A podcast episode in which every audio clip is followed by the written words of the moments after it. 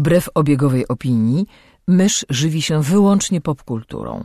Jest zwierzęciem stadnym, które lubi dzielić się tym, co znajdzie ze światem. Jej naturalnym sposobem komunikacji jest przerywany śmiechem słowotok. Słuchacie podcastu Myszmasz.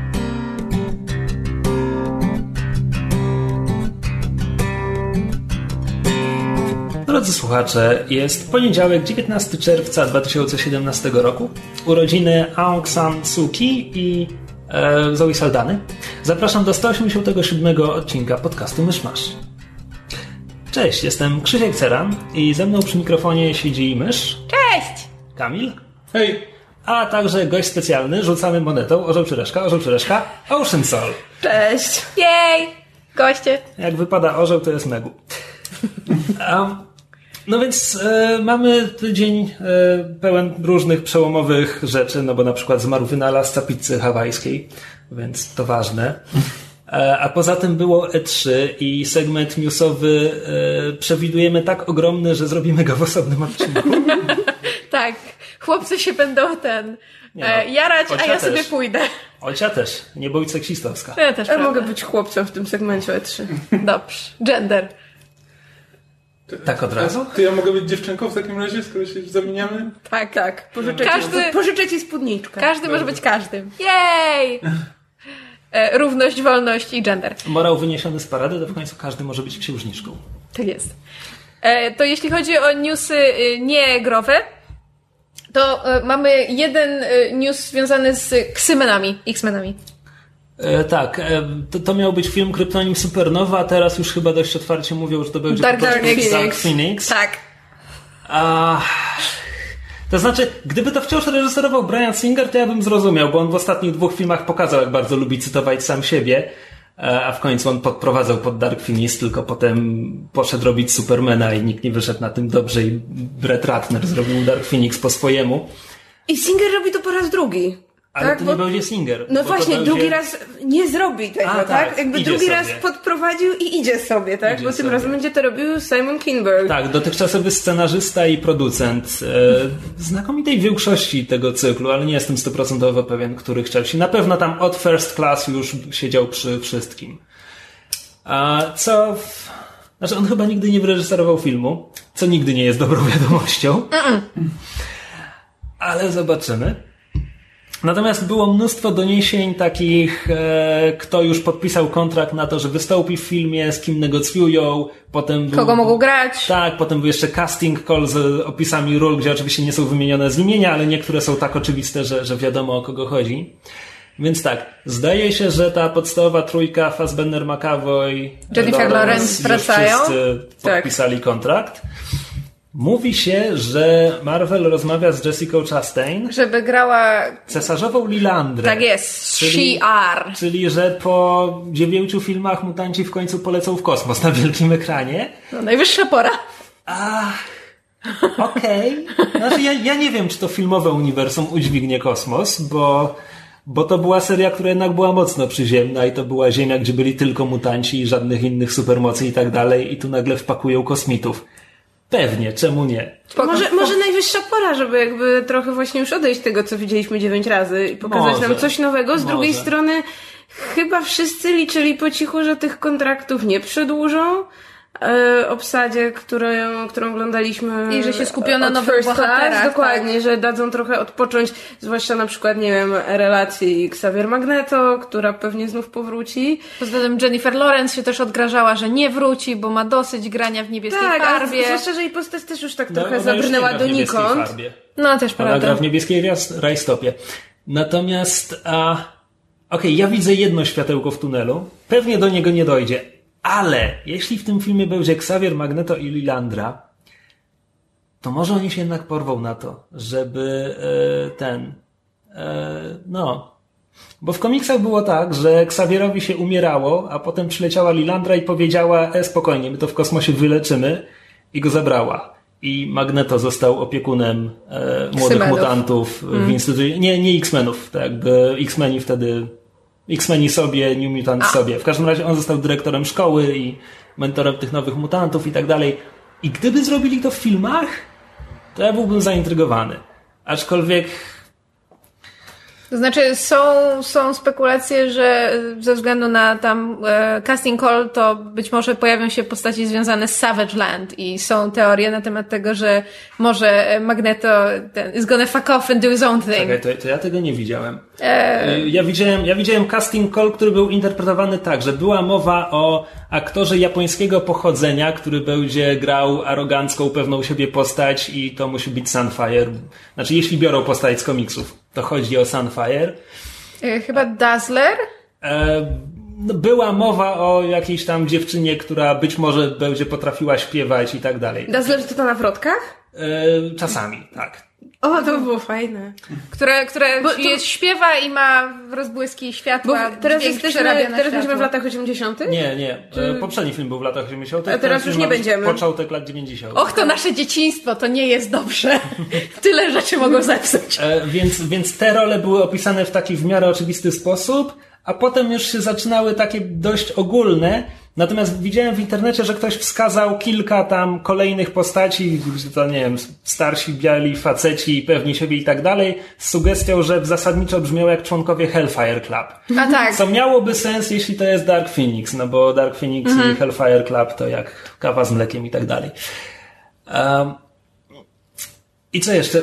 Ja nie słyszałem żadnych teorii o Savage Landzie, więc Znaczy, zaskoczyłaś mnie tym. podobno, podobno gdzieś w tych casting callach, czy gdzieś z tych casting callów wywnioskowano, że em, dwie z postaci, chyba rodzeństwo, nie pamiętam w tym momencie imion, to są postaci właśnie z, Savage Ale Land. jakie? Powiedziałam, nie pamiętam imion w tym momencie. A. E, i, I że jest taka teoria, że być może Magneto teraz jak już się jakby e, quote unquote pogodził z Magneto, e, tfu, z, z Xavierem, to pójdzie i, i, i zacznie robić swoją rzecz właśnie w, w Savage Landach, tam się Znaczy- bawić z, z, z projektowaniem mutantów. Ujmę to inaczej. Nie wierzę, żeby do jednego filmu wpakowali i kosmos, i dżunglę na Antarktydzie z dinozaurami. You never know! Więc jakoś w to wątpię. No i, i, i młoda, młoda część obsady, to znaczy... em, Jean Grey. Tak, Jean Grey, Scott Summers, Cyclops w sensie i Nightcrawler, Nightcrawler tak. wracają. No I i Storm. Beast będzie wciąż tam. I Storm, właśnie, Storm też chyba. Tak, co, Chyba od, tak. co od razu nam znowu, ile będzie postaci w tym cholernym filmie. Dużo! Ale to jest praktycznie niemal każdy film z tego cyklu. To jest, że dwa lata przed premierą pojawia się lista postaci i casting call, jakby reakcje fanów są, jak oni chcą to zmieścić w filmie? I zazwyczaj nie mieszczą tego w filmie. No moje ulubione First Class, który uważam, że to jest bardzo dobry film, ale jakby mógłby nie mieć połowy postaci, które ma, bo nic nie robią w tym filmie. Potem Days of Future Past, jeszcze więcej. Potem ta nieszczęsna Apokalipsa, gdzie też jest od cholery tych postaci, które tylko stoją w tle i raz użyją swojej mocy. I czy oni się nigdy nie nauczą? Nope. No Logan im wyszedł. Tam nie O, było Logan wiele im postaci. wyszedł. Kto by pomyślał? Po poprzednim Wolverinie. Poprzedni i tak był lepszy od najpierwszego, także Tak, pomału do przodu. prawda. U, ale to chyba będzie pierwszy film bez Wolverina. No nie mów hop. Do, do, do. Hugh Jackman dostanie jakiś duży rachunek nagle, to Tak. będzie musiał. Będzie mu się któregoś dnia nudziło, wyskoczy na parę godzin na plan. Co za problem. A jeszcze z newsów teraz mi się e, e, przypomniało to, e, znaczy newsy, spekulacje. Em, wyszedł w Stanach e, film The Story of Henry, chyba taki jest tytuł, oparty na książce pod tym samym tytułem, którego reżyserem jest Corey e, e, Trevorow. Chciałam powiedzieć doktorow, ale to jest zupełnie kto inny. E, czyli em, pan, który będzie odpowiadał za jeden z, z filmów Star Wars I pan, który popełnił Jurassic World. i popełnił był Jurassic World i em, spekulacje w, w show biznesie nie tylko są takie, że recenzje em, e, znaczy recenzje The Story of Henry porównują ten film do Birdemic i The Room.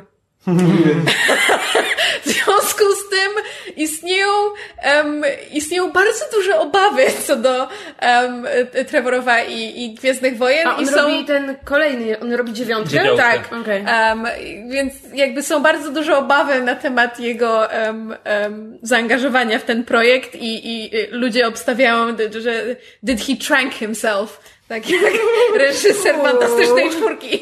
Więc um, No też Znaczy, jakby się bior- zaczęłam trochę obawiać. Biorąc pod uwagę, że Jurassic World był... Mm, Straszny. to, to ja się nie popłaczę, jeśli Znaczy, Ja Trevor mam gdzieś od Gwiezdnych 25 Wojen. stron notatek o Jurassic World i tam są rzeczy do odratowania, ale to nie jest dobry Tak film. serdecznie nienawidzę tego filmu. Ja się na nim bardzo dobrze bawiłam w kinie, mimo że zrujnowali moje dzieciństwo, ale jakby... Doceniłem trzy pomysły na krzyż, ale to nie był, to nie był udany blockbuster. No, ale to tak, Nie mówiąc już o filmie. to tak z, z newsów. I to chyba tyle. To chyba tyle. Chyba możemy przejść do jakiejś wyliczanki, co kto widział, czytał i w ogóle. A skoro już dorwałem się do mikrofonu, ja mam muszlę, ja będę mówił. Kielem, kielem. To przeczytałem, e, przeczytałem książkę Luna Wilcza Pełnia Jana McDonalda. Ja nie będę mówił długo o tej książce, bo to jest tak, to jest kontynuacja powieści Luna Nów, która ukazała się w zeszłym roku. I w ogóle tutaj szapoba dla wydawnictwa Maki, bo, bo wydawało te książki, nie wiem, dwa miesiące po, po zagranicznej premierze światowej. Więc Ja przepraszam, ale ja z magiem zawsze będę miała na pięku, bo to, ile czasu im zajmuje przetłumaczenie i wydanie kolejnych tomów w serii o Kushielu, Jacqueline Carey. zamiar to zrobić? Znaczy, wiesz co, mieć mieli, dlatego że jakieś hmm, trzy lata temu e, był, było w planach wydawniczych, było wymieniane, tylko potem co kwartał, kiedy oni te plany wy, wydawnicze wypuszczają, były przesuwane, a potem zniknęły w ogóle. No to pogódź się. Um, w każdym razie... Um, Ale wydają stale serię Obie, Wyobraźni od tak, wielu ukazały lat. się właśnie w serii Uczta Wyobraźni. E, Ja nie będę mówił o tym długo, polecam co najwyżej wyszukać e, na myszmasz.pl odcinek, w którym mówiłem o poprzedniej części. Można po nazwisku autora Ian MacDonald, bo ja o nim do, dotąd trzy razy mówiłem, bo tyle jego książek przeczytałem. A nie będę mówił długo, bo Tamta część miała bardzo otwarte zakończenie. Ja się długo zastanawiałem, czy to jest po prostu zamknięta książka tylko z otwartym zakończeniem, czy może jednak mamy do czynienia z tym, że wydali połówkę książki i drugą połówkę wydadzą rok później. I przeczytałem teraz i to jest druga połówka. To znaczy, to znaczy, to jest do tego stopnia druga połówka, że gdzieś blisko finału pojawia się postać, której praktycznie nie ma w tej, w tej drugiej powieści, a która była jakby wprowadzona i opisana w pierwszej części, więc to jest tak. A, przypomnijmy o co chodzi. E, Chodzi o to, że jest XXI wiek, e, księżyc jest skolonizowany, e, na księżycu wydo- wydobywają surowce naturalne, które zasadniczo podtrzymują gospodarkę na Ziemi, także na Ziemi jeszcze tli się życie. E, I księżyc, księżyc nie jest państwem, księży, nad księżycem nie sprawuje kontroli żadne pojedyncze państwo, tylko jakiś tam wielonarodowy zarząd, ale tak naprawdę księżycem trzęsą ogromne korporacje. Jest pięć takich rodzinnych korporacji, które są em, praktycznie takimi dynastiami. Bo to są rodzinne korporacje, a na Księżycu nie obowiązuje żadne prawo. Nie ma tam policji, nie ma tam prawa, tylko jest absolutnie nieskrępowany kapitalizm, są tylko kontrakty. Wszystko podlega negocjacjom, e, umowom i tak dalej. I to jakoś, i to jakoś działa. E, tylko, że te rodziny się nie lubią ze sobą, więc już w pierwszej książce się podgryzały, a potem na koniec pierwszej książki zaczęły się ugryźć mocno. A tutaj przeskakujemy półtora roku do przodu i mamy z jednej strony pokłosie wydarzeń z tamtej książki, z drugiej strony kontratak i skomplikowane rzeczy i w ogóle takie wywrócenie sytuacji do, do góry nogami. E, A ja nie mogę zbyt szczegółowo o tym mówić, no bo jeśli ktoś nie przeczytał pierwszej książki, to mówiąc o drugiej automatycznie zespoileruje wszystko, co tam się wydarzyło. Powiem tylko, jakie są zalety. Po pierwsze, to są cienkie rzeczy, bo obie te książki mają po 300 kilkadziesiąt stron, natomiast są bardzo um, malownicze, opisują bardzo barwny, złożony, skomplikowany świat, który to nie jest tylko tak, że McDonald wymyślił sobie kulturę tej księżycowej społeczności, ale on w bardzo przekonujący sposób opisuje tygiel kulturowy, bo te pięć rodzin, każda wywodzi się z jakiegoś innego regionu na świecie. E, Główni bohaterowie to, to jest rodzina Korta, oni pochodzą z Brazylii, więc, więc ich korporacja ma takie bardzo wiele na- naleciałości afrobrazylijskich. Tam inna rodzina należy do Chińczyków, inna do Rosjan, jeszcze inna do. Um, hmm. Wychodzi moja ignorancja, bo ja zapomniałem, o które państwa afrykańskie chodzi. a czwarta, piąta, przepraszam, to są Australijczycy. E, I język, którym e, ludzie mówią na Księżycu, to jest mieszanka właśnie wszystkich ziemskich języków i pojawiają się, pojawiają się zapożyczenia z chińskiego obok e, slangu australijskiego i tak dalej. I to jest oddane bardzo barwnie. To znaczy, McDonald na tych dwa razy po 300 kilkadziesiąt stron oddał po prostu tak barwny świat, jak, jak Martin w jednej swojej cegiełce. Zresztą autor mówił, że on to trochę wymyślał jako grę o tron na Księżycu, a ja zresztą mówiłem rok temu, że bardziej mi się to kojarzy z Jamesem Clavellem, z takimi powieściami jak Shogun, czy, czy Noble House, czy, czy Taipan. E, również pod tym względem, że mamy do czynienia z... Inaczej, Clavell pisał pochwałę kapitalizmu, bo, bo był, e, że tak powiem, lubił Ayn Rand i w ogóle, im mniej państwa, tym lepiej. Natomiast McDonald opisuje taką arcykapitalistyczną społeczność e, ze wszystkimi jej wadami. I to, to nie jest tak, że, że te powieści są jej pochwałą, tylko po prostu wymyślił sobie taki świat i go opisuje. Blaski i cienie. E, blaski i cienie, tak. Nie, nie chcesz być biedna na księżycu. nie, nie chcę. E, I na tym chyba skończę. Po prostu polecam, bo Luna to, to była jedna z najlepszych książek, jakie przeczytałem w tym, w zeszłym roku i w tym roku pewnie też e, będzie w czubie. O, i tyle. W czubie? W czubie. I don't think that's the phrase. Na topie. Mieć w czubie to jest troszeczkę co innego. No ale w sensie w czubie przed konkurencją, na czele. To chyba tak nie funkcjonuje po polsku. Nie. Powiedz to moim korektorom. Dobrze, skoro robimy kącik książkowy, to ja też trochę poczytałam zalety urlopu. Och, urlop. I dorwałam się do książek, których może zwykle nie czytam, mianowicie do thrillerów prawniczych slash kryminałów. Przeczytałam całe cztery. Grishama? Nie. Y, mowa o rodzimym autorze. Mianowicie y, wciągnęłam się w jeden cykl powieści Remigiusza Mroza. A właśnie tak się chciałam I zapytać. właśnie postanowiłam trochę o nim opowiedzieć, bo to dość znany autor, taki dość powiedziałabym kontrowersyjny, to znaczy e, ma grupę bardzo takich oddanych fanów i czytelników i z drugiej strony są też e, osoby, które mm, no nie cenią jego prozy i tak bardzo jakby negatywnie wypowiadają się Zwłaszcza o tym, jak dużo książek rocznie produkuje autor. 4, 5? No właśnie, w 2016 y, wydano 8. Co wiadomo, jakby cykl wydawniczy książki jest oczywiście długi i yy, wydaje mi się, że no, część tych książek autor na pewno miał napisane wcześniej, no ale też... Ale, ale on zasadniczo rok w rok mniej więcej tyle wydaje. Ja, ja widziałem tak. jego bibliografię. To znaczy on zaczął wydawać w 2013 roku i w tym momencie mamy jego 22 książki na rynku. I na końcu każdej książki, przynajmniej z tych, które ja przeczytałam, jest podany jakby okres y, miesięczny, czy tam nawet dniowy, już nie pamiętam, kiedy on to pisał. No to taką cegiełkę 500-600 stron. relacji Katowice, Miesiąc, trzy tygodnie, to, to, to są tego typu przedziały czasowe, więc no, no pisze błyskawicznie. Więc no wiadomo, to od razu budzi takie podejrzenia, czy, czy to w ogóle ma ręce i nogi, czy jest tam gdzieś jakieś miejsce na, na research. No ja podejrzewam, że po prostu research przeprowadzony jest wcześniej, jakby w ramach tego czasu pisania. Autor podaje po prostu już sam ten proces przenoszenia myśli na papier. No, tak. no w każdym razie, które książki przeczytałam? Otóż zaczęłam e, od cyklu, yy, którego główną bohaterką jest Chyłka. Ten cykl chyba nie ma nazwy, więc mówi się, że to po prostu cykl z Chyłką. Cztery książki, czyli kasacja, zaginięcie, rewizja, immunitet. I jestem w trakcie piątej.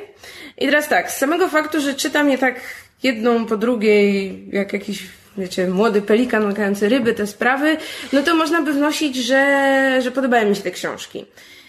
A ja nie jestem wcale taka pewna. Znaczy, Syndrom znaczy, One są szalenie wciągające i to są takie, no takie wzorcowe page turnery, tak jak się, nie wiem, kiedyś czytało na plaży Dana Browna. Kupuje na dworcu, pochłania w pociągu albo w samolocie. Tak, po prostu, czekaj, jeśli czekaj. macie do odbycia długą podróż, bo, bo, bo wymieniasz zalety Mroza i wymieniasz Dana Browna i to... Nie, nie, nie, nie, nie. Umówmy się. Dan Brown nie pisze dobrych książek, ale on wie jak napisać bestseller, który się pochłania w parę godzin. Tak, Mróz wie jak napisać książkę, żebyś jej nie odłożył przez 8 godzin. I ja dokładnie wiem o co ci chodzi. Wie jak kończyć rozdział, żeby stwierdziło się to jeszcze jeden.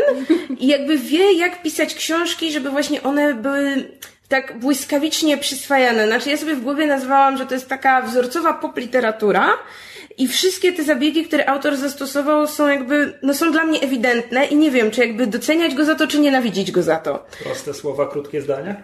Tak, z- brak przyimków praktycznie. Myślałem, że powiesz przecinków. Nie, nie, nie, nie, nie. nie. Wtedy, wtedy bym nie mogła czytać.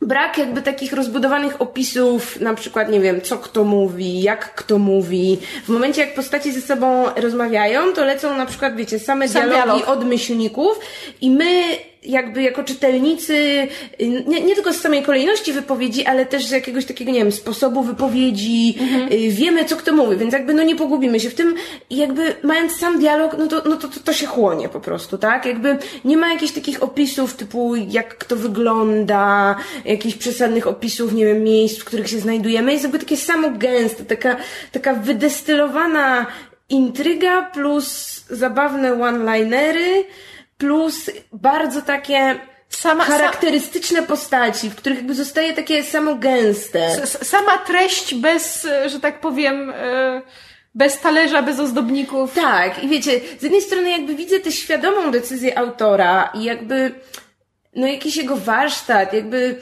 no, widzę, widzę jakby jak on konstruował, widzę co on chce osiągnąć, ale trochę mam z tym problem, bo, bo książki powinny być takie ładne i kwieciste, a ja czytając te książki czuję się jakbym oglądała serial. Serial wciągający, serial, w którym jakby bardzo chcę wiedzieć, jak potoczą się losy bohaterów i które w jakimś sensie interesują mnie bardziej niż, że tak powiem, intryga tygodnia, no bo jakby ka- każdy tom to jest jakaś tam intryga kryminalna, yy, którą próbują rozwikłać nasi bohaterowie. Główna bohaterka, Joanna Chyłka, jest y, karnistką, jest adwokatem i pracuje w wielkiej kancelarii. kar- karnistką? Zajmuje Tak się to prawem karnym, tak. tak To się- tak nazywa? Tak, potocznie chyba, ale generalnie A. it's a thing. Nowa informacja, bardzo przydatna, dziękuję. Tak, i w momencie, gdy zaczyna się akcja pierwszego tomu, przydzielają jej aplikanta, niejakiego Zordona, znaczy Zordon jest pseudonimem. y, Młody człowiek nazywa się Kordian Oryński. No i on próbuje jakby poznać ten świat prawniczy tak, tak naprawdę, jak on wygląda, no bo wiadomo, studia niekoniecznie uczą człowieka faktycznej pracy w zawodzie. No i każdy tom to jest jakby jakaś sprawa, nad którą oni pracują. Sprawa z reguły z jakimś drugim dnem. Oni zaczynają od tego, że bronią jakąś, nie wiem, podejrzaną postać albo, nie wiem, postać podejrzaną o, o zabójstwo, o, o, o porwanie dziecka, o jakieś e, generalnie no takie niezbyt szlachetne przestępstwa, jakby oni są przygotowani na to, że hej, bronią y, złych ludzi, czasem jakieś totalne gnidy, no ale Znaczy, hej, taka praca. Niekoniecznie złych, ale widnych.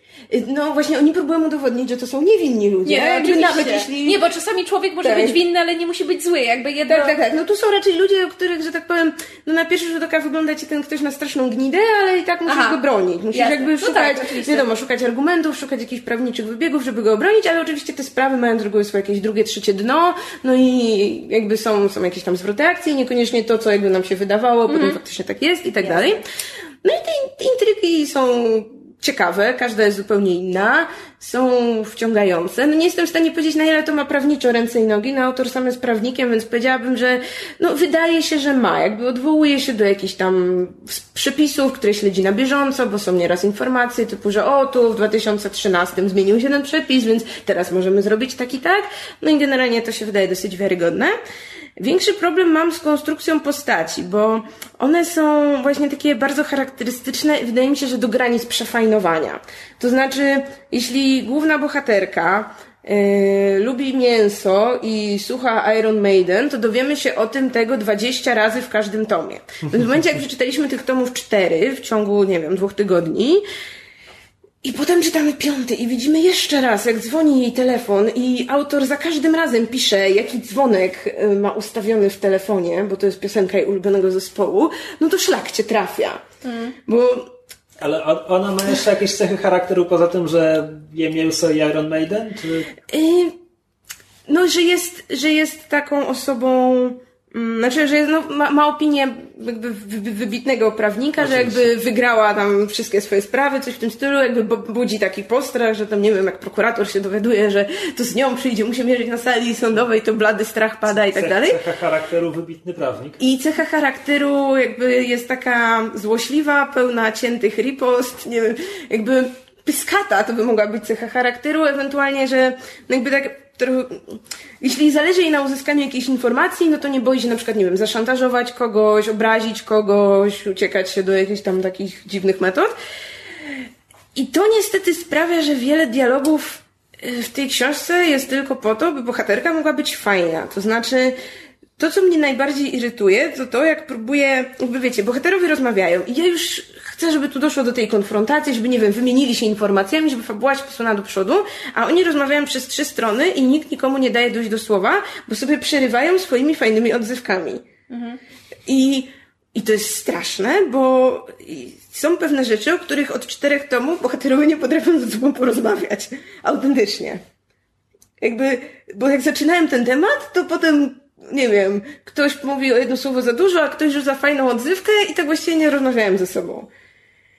I to jest strasznie frustrujące. To znaczy, wyobraźcie sobie ten serial, który macie w głowie, gdzie bohaterowie właśnie rozwiązują te typowe sprawy odcinka i tam zostaje te pięć minut na ich wątek osobisty, który może już posunąć do przodu. I w tych pięciu minutach oni nie robią tego, co powinni, tylko no, przerzucają się fajnymi one-linerami. Plus jest też ten problem, że autor bardzo tutaj stosuje ten schemat will they, won't they, też właśnie znany głównie z telewizji, czyli to, czy nasi główni bohaterowie w jakimś momencie będą razem, czy w ogóle do czegokolwiek między nimi dojdzie. I to też jest szalenie frustrujące, yy, bo też parokrotnie w każdym tomie to jest tak, tak bardzo teasowane, że tak powiem, tylko po to, żeby ostatecznie nic się nie wydarzyło. No i nie wiem, no nie wiem, słuchajcie, no, no wcią- wciąga to, nie powiem, wciąga strasznie i właśnie jak się jedzie gdzieś, nie wiem, w długą podróż, to jest wymarzona książka, bo po prostu czyta się te kolejne strony, nie widzi się upływającego czasu. Czyta się prawie tak szybko, jak autor je pisał. Tak, tak, tak, tak, ale właśnie po paru tomach po pierwsze widać to, co niestety widać też u właśnie na przykład Dona Browna, że jakby pewne schematy to są ciągle te same schematy. No i widać, widać tę serialowość i, i no i właśnie moim zdaniem niestety też to, to przefajnowanie, no że... Masz, masz zamiar czytać kolejnych 45 mrozów? To znaczy, na szczęście, jakby z tego cyklu jest jeszcze tylko piąty tom, no więc no, przeczytam go. Inne cykle nie. Jakby nawet wśród fanów wydaje mi się, że ten cieszy się jakby najlepszą opinią, więc jeśli to jest jego najlepszy cykl, to ja nie chcę czytać tych słabszych, bo, bo co musi być w tych słabszych? Nie ma też przymiotników? Ja rzadko sięgam po kryminały, ale teraz akurat czytam nową Anię Kańtoch, e, Wiarę i dawno nic mnie tak nie wciągnęło, że jakby zacząłem wczoraj i jestem w dwóch trzecich książki. O, to ja, co- ja nie czytam w tym tempie. O ile, o ile się nie zrobię na, na ostatniej jednej trzeciej, to jest zdecydowanie lepsze od łaski. Uuu, ja czytam po tobie. Tak, pożyczyć. Znaczy to nie moje, ale pożyczyć. Tak. Dziękujemy Megu za książkę.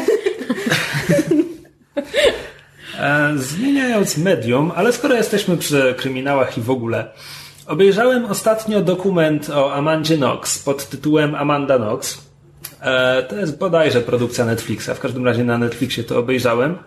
Amanda Knox jest e, amerykańską. Amanda Knox jest Amerykanką, kropka, która była studentką we Włoszech i tam w, we Włoszech, bodajże w Perugi, czy Peruggi, czy jakkolwiek to się wymawia, e, zamordowano jej współlokatorkę, Brytyjkę Meredith Kercher, Karcher, jedno z dwóch. I e, Amanda Knox była przez długi czas główną podejrzaną, spędziła trochę czasu w więzieniu, bo raz ją skazano, potem była apelacja i tak dalej. I ostatecznie e, sprawa poszła do włoskiego sądu najwyższego. E, zawiesiłem się, bo chciałem powiedzieć ostatecznego. I e, spoiler, no Amanda Knox jest obecnie na wolności. Sąd Najwyższy uznał, że, że nie ma dowodów jej winy, że śledztwo było niedbałe i że jakby wyolbrzymiono te dowody, które były e, i tak dalej. I dokument To jest tak, ja pamiętam tę sprawę, bo to się wydarzyło, chcę powiedzieć, w 2011 roku, więc ja pamiętam nagłówki zaraz po morderstwie, potem parę lat później, jak były kolejne procesy i tak dalej. A teraz niedawno się zrobiło głośno, bo oni chyba dopiero niedawno ją uwolnili, prawda? E, wydaje mi się, że w zeszłym roku. No właśnie. Znaczy, nie tyle Bo ja pamiętam- pamiętam, ona, że- Ona przesiedziała w więzieniu chyba rok czy półtora, po czym sąd apelacyjny ją zwolnił i ona już była w Stanach, kiedy sąd, ostateczny, mhm, kiedy sąd najwyższy prowadził ten ostatni proces. Więc Mm. ona już była na wolności od paru lat, ale w zeszłym roku jakby e, włoski, włoski ten, e, nie wydział prawa, tylko co? Włoski aparat sądowniczy ostatecznie zamknął sprawę. Jest dokument, który jakby opowiada tę historię od samego początku, kiedy, kiedy Amanda Knox wyjeżdża na studia do Włoch, po dzień dzisiejszy. Ale to jest jakby dokumentalne, w sensie wykorzystują...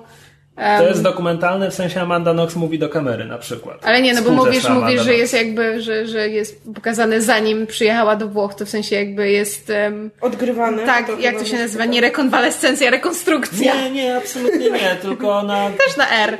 Wiesz, jakaś jej przyjaciółka nagrywała jakąś jej wypowiedź, wiesz, do kamery na zasadzie, jak tam się czujesz przed wyjazdem, czy coś tam, tego typu, tego Mhm. typu rzeczy. Są, są jakby, nie wiem, jej, jej zdjęcia z wakacji. Natomiast nie, nie ma żadnych rekonstrukcji ani nic takiego, wszystko to jest po prostu istniejące materiały. Mhm. Mój problem z tym dokumentem jest taki, że Jest A. nudny? nie, nie do końca, tylko tak. Amanda, Amanda Knox została uniewinniona i mam wrażenie, że to nie jest dokument, który próbuje rozbudzić w widzu wątpliwości co do tego, czy... czy... Czy była winna, czy Nie. nie winna? Nie, tylko jakby on przyjmuje, praktycznie od początku przyjmuje jej stronę, no od choćby dlatego, że jakby pierwsze słowa to jest właśnie Amanda Knox mówiąca do kamery, opowiadająca, wiesz...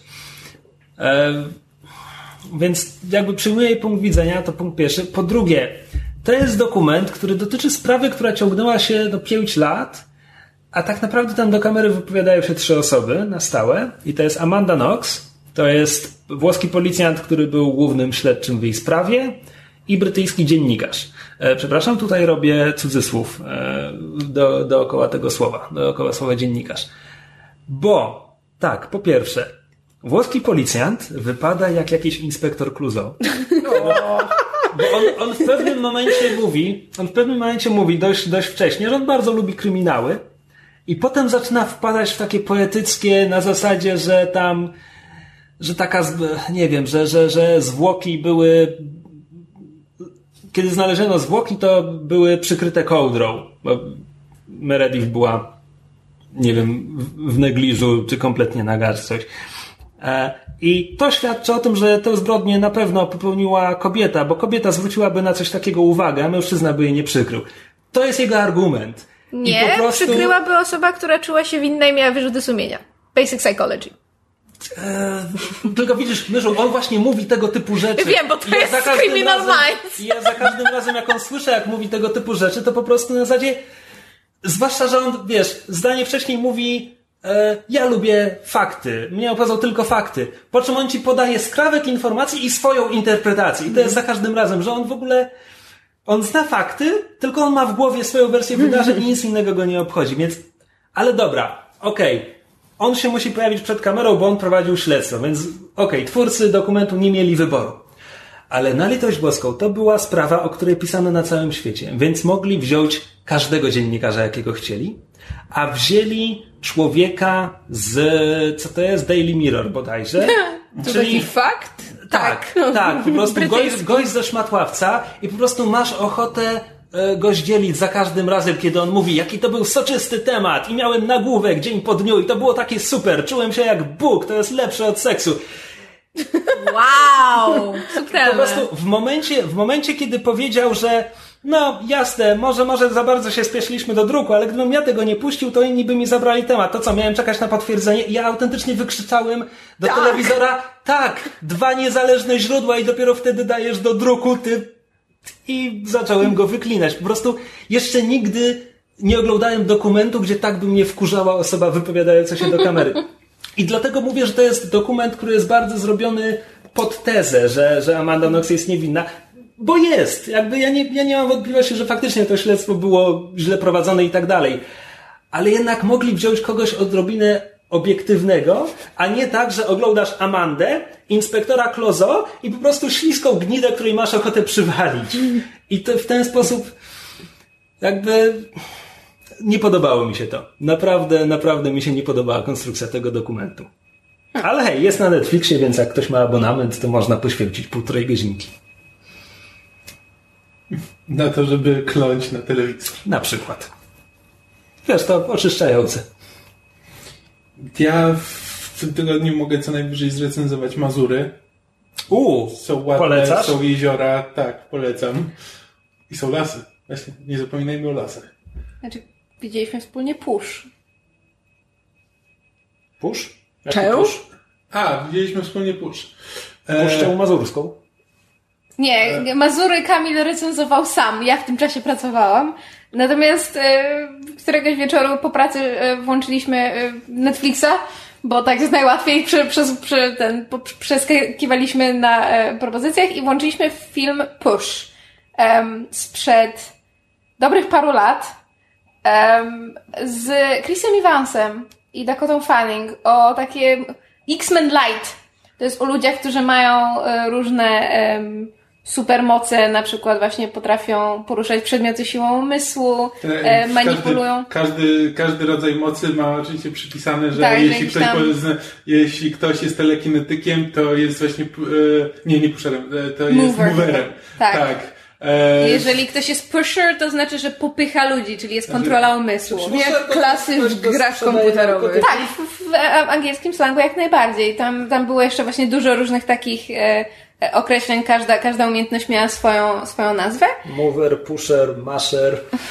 no więcej. dziwnie to było przetłumaczone po polsku. E, sn- Sniffer.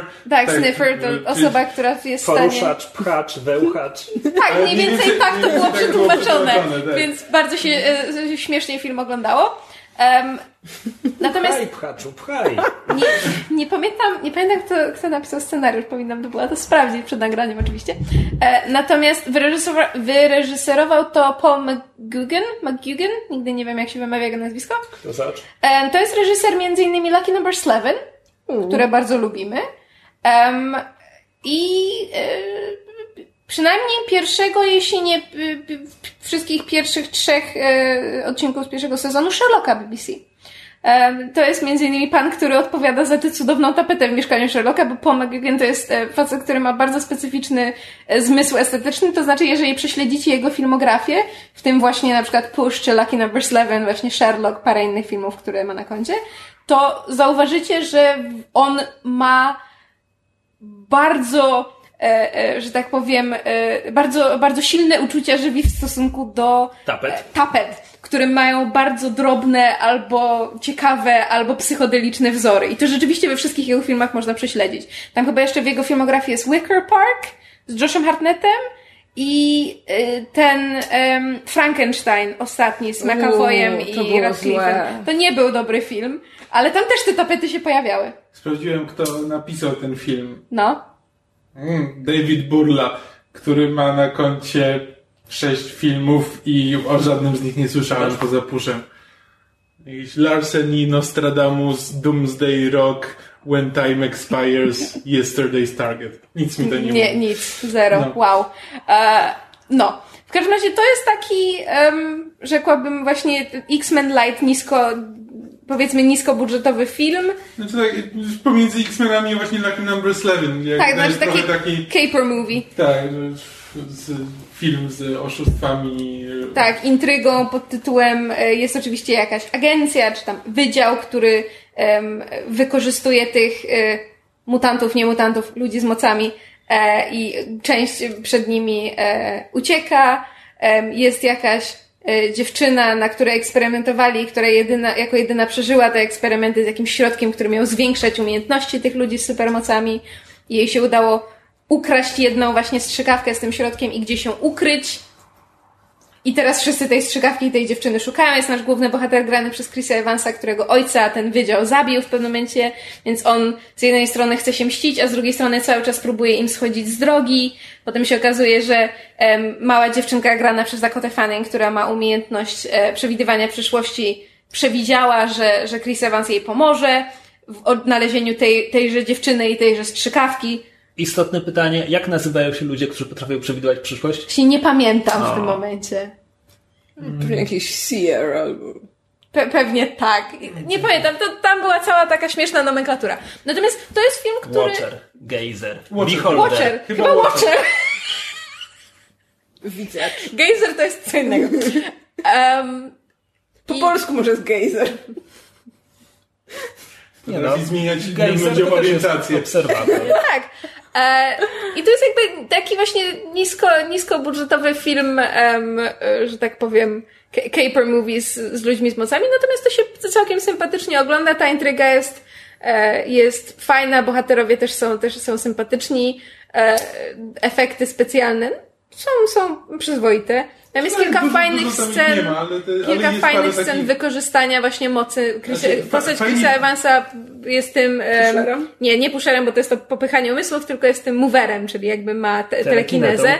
I jest kilka właśnie fajnych scen, kiedy on te swoje, Tak, swoje moce wykorzystuje. Reżyser fajnie wykorzystuje e, kolory jakby i stara się, żeby w każdej scenie każda scena się działa w jakimś takim miejscu, gdzie będzie się dało to wykorzystać. Znaczy, szczególnie właśnie w finale, gdzie tam są A tak, równo- finał jest, finał jest kuriozalny, dlatego że oni się, oni się biją na szczycie konstruowanego wieżowca. W związku z tym mamy taki, em, taki trochę industrialny klimat pod tytułem em, dużo różnych tam jakichś worków z jakąś zaprawą, jakichś, prawda, metalowych szafek na stroje robotników, e, jakichś tam różnych paneli, e, całe takie rusztowanie z bambusowych tyczek, bo to się dzieje w, e, nie chcę skłamać, ale chyba w Hongkongu.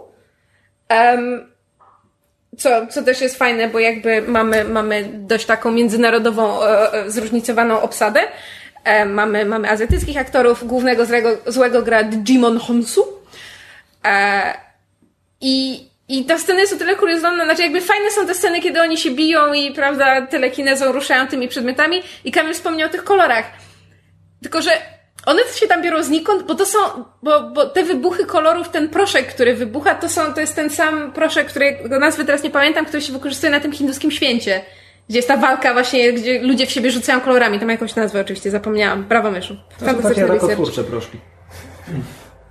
Co? Co? Tak czytałem. że Aha. Te barwniki, które są wykorzystywane na tym świecie są niezdrowe.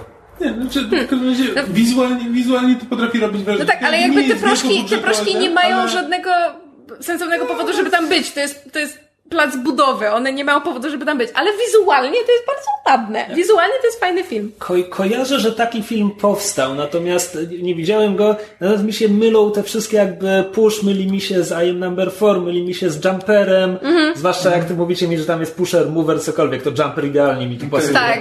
Rzeczywiście, jest cała, jest cała taka, taka grupa filmów właśnie z takie niskobudżetowe sci-fi-ish. Przecież po drodze jest jeszcze Looper, ale przynajmniej Looper się wyróżnia na tyle, żeby, żeby taki- łatwiej go zapamiętać. Jumper to chyba jest ostatni raz, kiedy ktoś widział Haydena Christensena. Nie, on teraz niedawno zagrał w jakimś filmie z Bruce'em Willisem.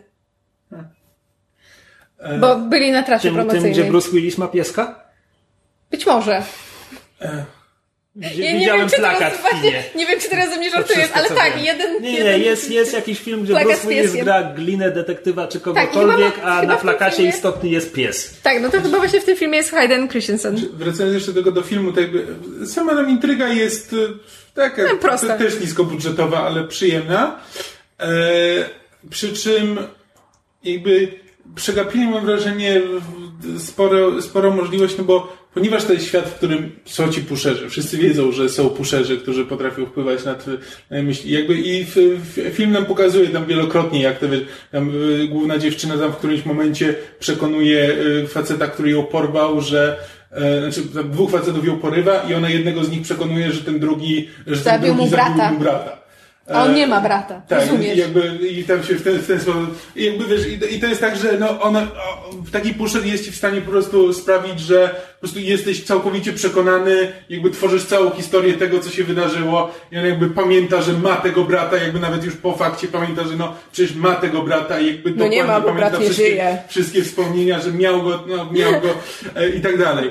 E, no i t- tylko, że jakby I, y, no i film się nazywa Push, przy czym żadna z ani, y, ani Dakota Fanning, ani Chris Evans nie, jest, nie są tymi pusherami, tylko są zupełnie innymi. Tam jest dziewczyna, jakby wszystko się obraca wokół dziewczyny, która jest tą pusherką. No ale wiemy, że skoro film się nazywa Push, no znaczy, że w którymś momencie to, e, to będzie miało, będzie miało jakiś wpływ na fabułę i że e, komu tutaj można ufać i kto ma jakieś wspomnienia, które, e, które mu zostały zaimplementowane, które nie są jego. No i my się nad tym zastanawiamy, ale film nie bardzo, postaci też nie bardzo. Jakby postaci wiedzą, że są z tą puszerką, ale kompletnie nie kwestionują tego, co pamiętają, tego, co, tego kto jest kim i, e, i co się wydarzyło do tej pory. Nie ma w żadnym momencie jakby takiego, e, takiego punktu, w którym by ktoś stwierdził, że ej, ale zaraz, zaraz, czy Is this, jesteśmy pewni... is this real life? Or is this just fantasy? E, więc No to jest... może, może puszerka wypchnęła im wątpliwości z głowy. Można to też tak, ale... No, ale, to jest ale to jest zmarnowany potencjał trochę, no bo to by było fajne, gdyby rzeczywiście jakby to cały czas wisiało nad tym filmem. E, a nie tak, że no, film trochę ma nadzieję, że wszyscy zapomną o tym, że, że, że każda z postaci może zostać pusznięta, a nie tylko źli, którzy akurat, których akurat potrzeba. No. E, No tak, jeżeli ktoś chce, znaczy warto obejrzeć, że tak powiem, jedna z wcześniejszych ról Chrisa, Chrisa Evansa. Wcześniejszych? Z którego to jest roku? To musi być z... e, przed fantastycznej czwórki, albo Na ten pewno? okres. Fantastyczna czwórka jest przecież to bardzo jest stara. 2009. No to to jest po fantastycznej To czwórce. po. To 2009 to to już chyba jest nawet po Scottie Pilgrimie. Albo Pilgrim był 2010. Chris Evans gra w Pilgrimie. Tak, wiem. Tak, tak. Nie, Znaczy, to był taki okres, w którym jakby już ludzie się zorientowali, że może w tych filmach superbohaterskich coś jest, ale jeszcze nie bardzo wiedzieli, czy właśnie, czy iść w tych kolorowych superbohaterów znanych z komiksów, No, czy czekaj, może czekaj, próbować... dwa- 2009 to też Watchmeni, to już jakby... Nie no, po prostu było dużo różnych jakby interpretacji, tylko że po prostu już powoli, powoli większość z takich filmów superbohaterskich, no to jest na podstawie tych bohaterów komiksowych, jakby... Nie wiem, mam wrażenie, że jest, że jest znacznie mniej takich filmów, które po prostu tworzą nowych superbohaterów albo jakieś uniwersum takie superbohaterskie od zera. No, w każdym razie, jeżeli, No, jeżeli to- ktoś chce obejrzeć, to można jakoś bardzo, że tak powiem, e, inteligencji. Nie, nie, w sensie bardzo inteligencji nie rani, natomiast jeżeli ktoś chciałby zobaczyć, e, że tak powiem, e, e, pracę Paula McGugana, to jednak Lucky Number 11 to jest, to jest chyba jego, jego najlepszy film. I zresztą to jest w ogóle bardzo fajny film, Popieram. jeśli chodzi o takie raz Cape widziałem i wtedy mi się Och, podobało. och, tak, ale- warto obejrzeć drugi raz. Ja stosunkowo niedawno obejrzałam drugi raz, to jest nadal bardzo fajny W tym film. momencie pamiętam już tylko tyle, że lubię Josha Hartnetta i Lucy Liu i Hej, tam jest też Ben Kingsley chyba. Tak, i Morgan Freeman. Tak. Nie, I Bruce Willis? Bardzo fajna obsada, bardzo fajny film, naprawdę. Po, po latach nadal trzyma poziom. co się dzieje z Joshem Hartnettem? Penny Dreadful ostatnio. A, prawda, telewizja. A potem? I don't know. Trzeba sprawdzić. Czy przechodzimy już do Króla? Ja mam jeszcze przed taką mini premierę No tygodnia. Ojej. Mianowicie. Cars. Tak, byłam Cars. na nowych Carsach, Cars Free, auta, y, które premierowały w piątek, y, no właściwie w czwartek można powiedzieć. Mm, I powiem, znaczy tak, zacznę krótkim wstępem o historii może tej serii, e, która cieszy się chyba najmniejszą sympatią, powiedziałabym, kinomanów, jeśli chodzi o filmy produkowane przez Pixara, e, w przeciwieństwie do, do, do dzieci, bo akurat merchandising z Carsów jest z kolei tym jednym z największych. Właśnie chciałam powiedzieć, I- że oni poszli w stronę pieniędzy z, Tak, nie z filmów, tylko z zabawek. Z, z tego, co gdzieś tam mi się obiło o uszy, no to właśnie wśród dzieci to są jedne z bardziej uwielbianych postaci, serii, filmów i tak dalej. No i mieliśmy sobie te pierwsze auta, które były taką klasyczną opowieścią o tym, jak y, no, mło- mło- młody bohater przechodzi jakąś tam swoją drogę i z takiego trochę ar- tak, aroganckiego, y, zarozumiałego buca staje się kimś lepszym. Lepszym samochodem. Tak, dostaje jakby, z- poznaje przyjaciół, k- którzy są oczywiście taką family, jakby miejsce w takiej lokalnej społeczności, podąża za swoimi marzeniami i jakby, no tak, taki bardzo klasyczny film, aczkolwiek tam był mały taki twist przy y, zakończeniu. Jeśli ktoś nie oglądał filmu sprzed 10 lat, to niech zatka uszy. Mianowicie celem głównego bohatera od samego początku było wygranie wyścigu i tam zdobycie złotego tłoka, y, the main prize. No i w ostatecznym rozrachunku bohater przegrywa ten wyścig, ponieważ decyduje się pomóc innej postaci zamiast dojechać do mety. Prawie jak Rocky. I'm going to that. Aha, okej. Ponieważ jeśli pierwsza część była pierwszym rokiem, to trzecia część jest trzecim rokiem. Ale zanim nam pójdziemy, mamy jeszcze drugą część. Druga część Zły rosyjski samochód rozjeżdża przyjaciela głównego bohatera. Nie, to byłby czwarty rok. Okej. Nie, to auto 4, to jeszcze daj parę lat. I to nie będzie samochód, tylko czołg. Tam to wiecie, buldożer. przy- Tak. Y, Tak, ale mieliśmy drugą część. Druga część to jest chyba ten film, o którym wszyscy chcą zapomnieć. Y, Film najgorzej oceniany z całej filmografii Pixara. Gorzej nawet niż samoloty. Y, Samoloty są direct to DVD robione przez jakieś małe studio. Rozumiem, nie liczymy do nie, licz- kanonu. nie liczą się, Rozumiem, tak. rozumiem. Drugi, Przyjmuję argument. Drugie Karsy miały ten problem, że postawiły wszystko na głowie i podjęły bardzo złe decyzje. Czyli tak, na pierwszy plan wysunięto bohatera drugiego planu, y, czyli Złomka, jeśli kojarzycie. To jest taki comic relief głównego bohatera, grany w amerykańskiej Wiejska wersji przez y, Larry the Cable Guy. No i dokładnie, to jest taka wiejska ciężarówka, która rzuca żartami. Te żarty są moim zdaniem raczej takie niezbyt śmieszne. I nagle ktoś z jakiegoś tam właśnie bohatera w tle, no który dobra jest śmieszny, bo goni krowy po pastwisku, nagle robią z niego bohatera pierwszoplanowego, wplątują go w intrygę szpiegowską, bo oczywiście, że drugie auto nagle postanowiło być Jamesem Bondem zamiast Rockim i mamy podróżowanie po świecie, ileś jakichś właśnie tych lokacji, mamy brytyjskich szpiegów, którzy biorą złomka za szpiega i no ten film się kupy nie trzyma, nic w nim nie działa, no po prostu był strasznie zły. No więc szłam na tę trzecią część, tak trochę z duszą na ramieniu, co oni tam znowu najlepszego wymyślą. I powiem wam, że byłam bardzo zaskoczona, bo Pixar odrobił pracę domową. Wsłuchał się we wszystkie głosy krytyki, jakie spadły na część drugą i w trzeciej części zrobił wszystko na opak. To znaczy, znowu, bohaterowie, którzy mieli być na drugim czy trzecim planie, są tam, gdzie powinni. Naszym głównym i jakby najważniejszym bohaterem y, znów jest Zygzak. Tak, Zygzak McQueen. Tak, chyba. Zygzak McQueen w oryginalnej wersji dubbinguje go Owen Wilson, Tak w polskiej wersji dubbinguje go Piotr Adamczyk, jest całkiem spoko. Em, I y, minęło ileś tam, ileś tam lat, jakby Zygzak jest w takim już stabilnym, powiedzmy, momencie swojej kariery. On już tam powygrywał wszystko, co było do wygrywania, jest jakiś tam kolejny sezon wyścigów i jakby nagle dogania go, dogania go czas. To znaczy, pojawiają się młodsi, sprawniejsi konkurenci, którzy są po prostu lepsi, jakby z którymi on już nie jest w stanie konkurować tak naprawdę. E, Jest e, jakby taki no przeci- przeciwnik, no bo on nie jest, nie jest żadnym bad guyem w tym filmie, jest taki jego przeciwnik, e, który, e, którego dopinguje Armie Hammer, on jest jakby nowy w tej serii. E, Jego autko nazywa, czekajcie, jak, jak, na pewno ma na nazwisko Storm, ale nie Johnny Storm, tak jak ten z Fantastycznej Czwórki, tylko te, też, też na jakiś tam no ktoś tam Storm w każdym razie. Jason Storm. No ktoś w tym stylu. Imię na J i, i, i Storm, więc bo wiecie, szybki jak błyskawica. I no i właśnie on jest, on jest z kolei tym takim zygzakiem w pierwszej części. On jest taki właśnie zarozumiały, butny, on jest najlepszy i tak dalej. No i właśnie jest ten zygzak, któremu każdy sto krok przypomina, że hej, może już pora na emeryturę, może już trzeba zakończyć tę karierę, już osiągnąłeś wszystko, co było do osiągnięcia, odpuść, jakby tu daj pole młodym.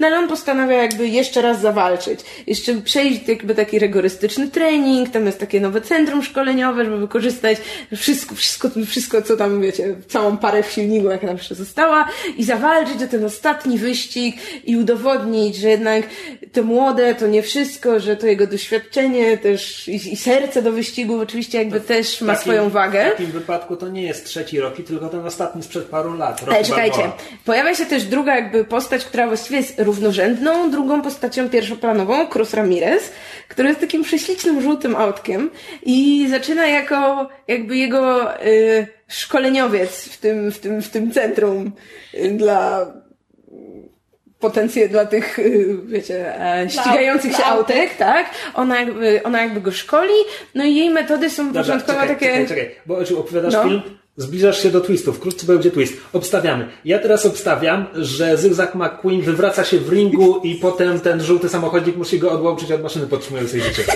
Skoro idziemy po różnych filmach bokserskich.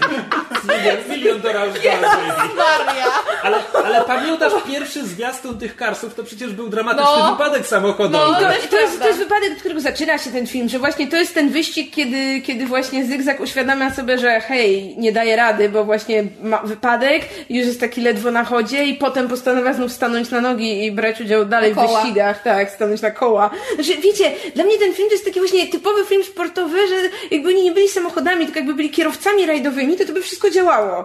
Bo to, to, że oni są samochodami, nie jest wcale aż takie, takie ważne. Że to nie ma sensu. Czytaliście te wszystkie analizy, że to jest Tak. wielki świat post-apo, gdzie samochody wybiły ludzi. Tak.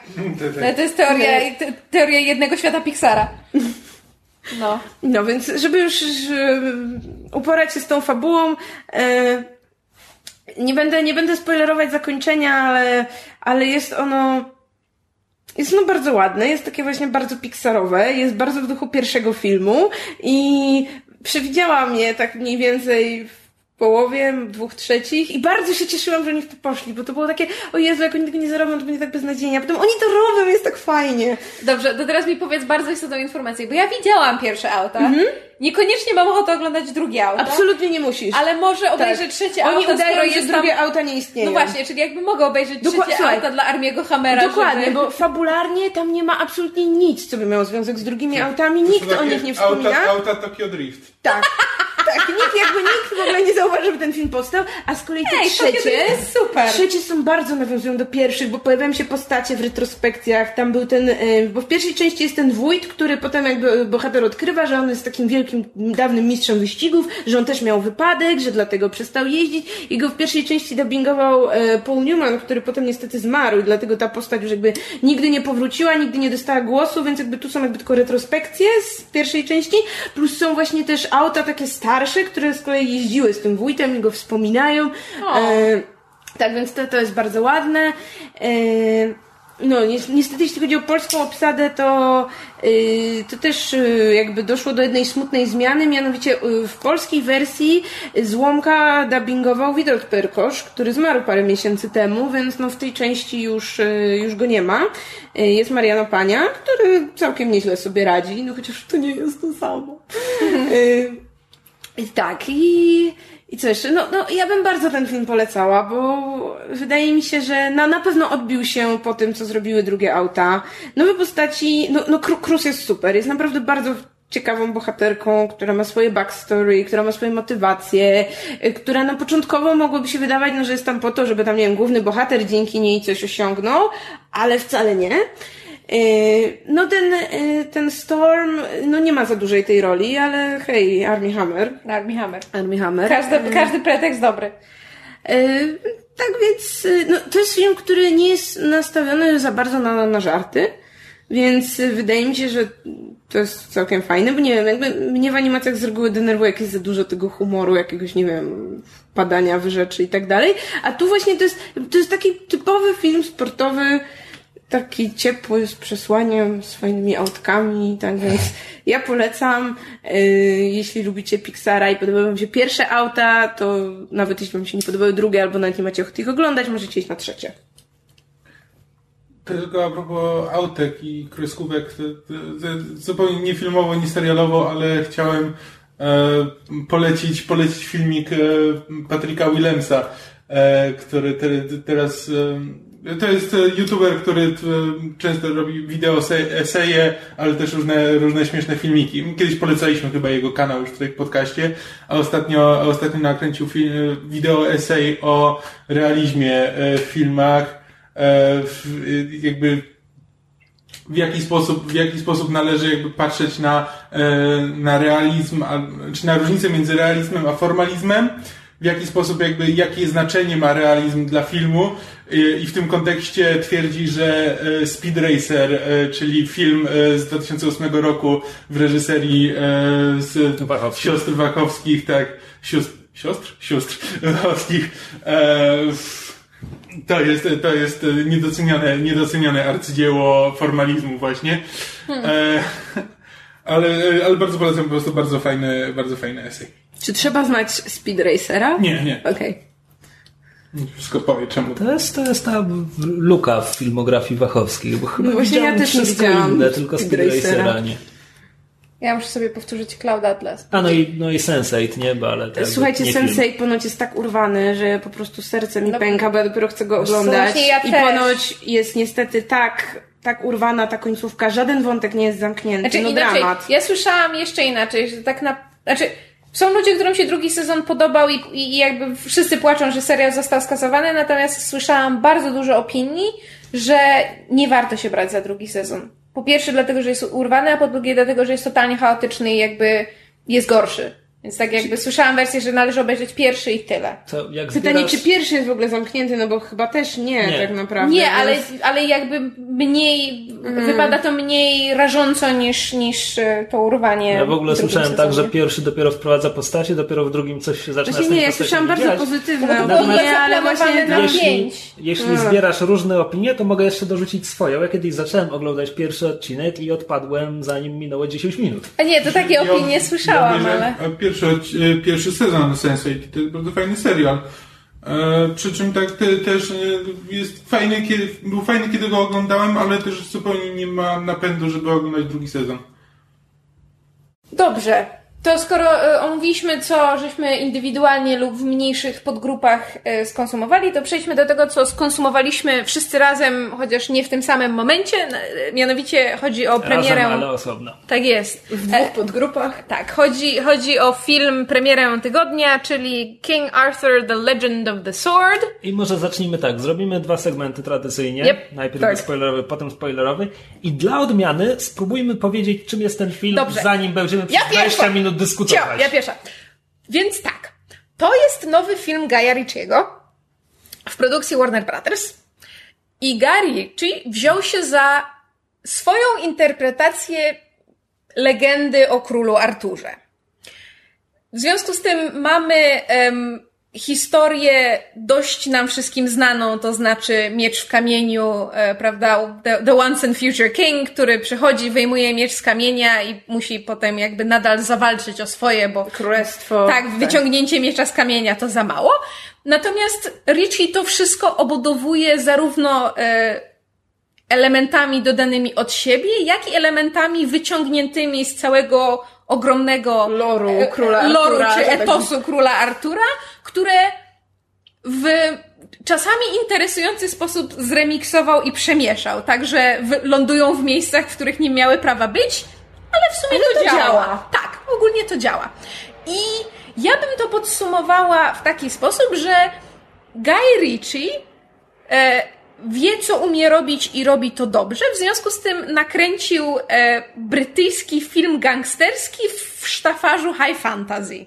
I to mu wyszło fantastycznie. Tak, Jeśli ktoś oglądał poprzednie filmy Gaja Ritchiego, jak Przekręt, jak Porachunki, jak, Jak- Sherlock Holmes. Nawet The Man from Uncle, który jakby też łączył, y, prawda, właśnie to taki ten, ten Richowski humor z, z tu, w tamtym wypadku, z, prawda, z kinem szpiegowskim z lat 60., to tutaj z kolei mamy właśnie ten taki gangsterskie porachunki ala przekręt plus e, high fantasy tutaj, król Artur. Tutaj ten, ten przekręt jak dla mnie wypływa najbardziej w tym pomyśle na Artura i jego e, Tak. cudzysłów rycerzy, Tak. którzy są przedstawieni po prostu jako współcześni londyńscy cwaniacy i ich dialogi są dialogami współczesnych Mhm. Tak. brytyjskich cwaniaków do tego stopnia, że padają kwestie w rodzaju chop chop Georgie Boy, e, co dla mnie działa, kupuję to absolutnie. ja też. Natomiast, bo mówisz, że to są legendy arturiańskie, tam są imiona wzięte, ale to jest Nie. taki remix Nie, tam ale- jest dobra, bardzo dużo elementów. No ale to jest remix taki, to jest remix do tego stopnia, że Mordred pojawia się w prologu, Tak.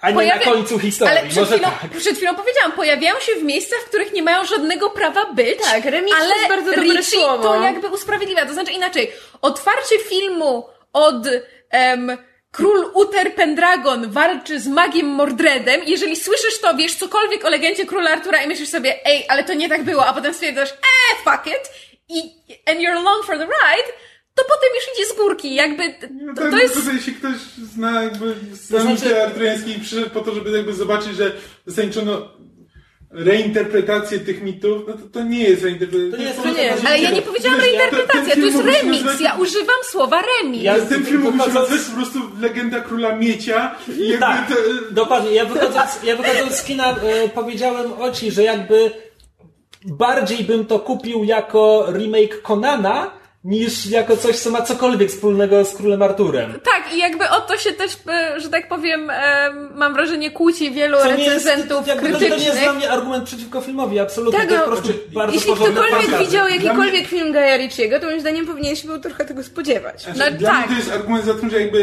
e, dlaczego, dlaczego ten film się nie, jakby nie sprzedał, bo mam wrażenie, że właśnie, że sporo ludzi i jakby jak patrzyłem na recenzję na Rotten Tomatoes, to jakby większość, e, większość negatywnych recenzji to jakby mówiła, że że to jest bardzo, bardzo słaba reinterpretacja właśnie mitów, e, mitów arturiańskich. Natomiast wszystkie pozytywne mówiły, że to jest świetne high fantasy, dużo lepsze od Hobbita, może nie tak dobre jak Władca Pierścieni, ale dawno nie było tak dobrego high fantasy.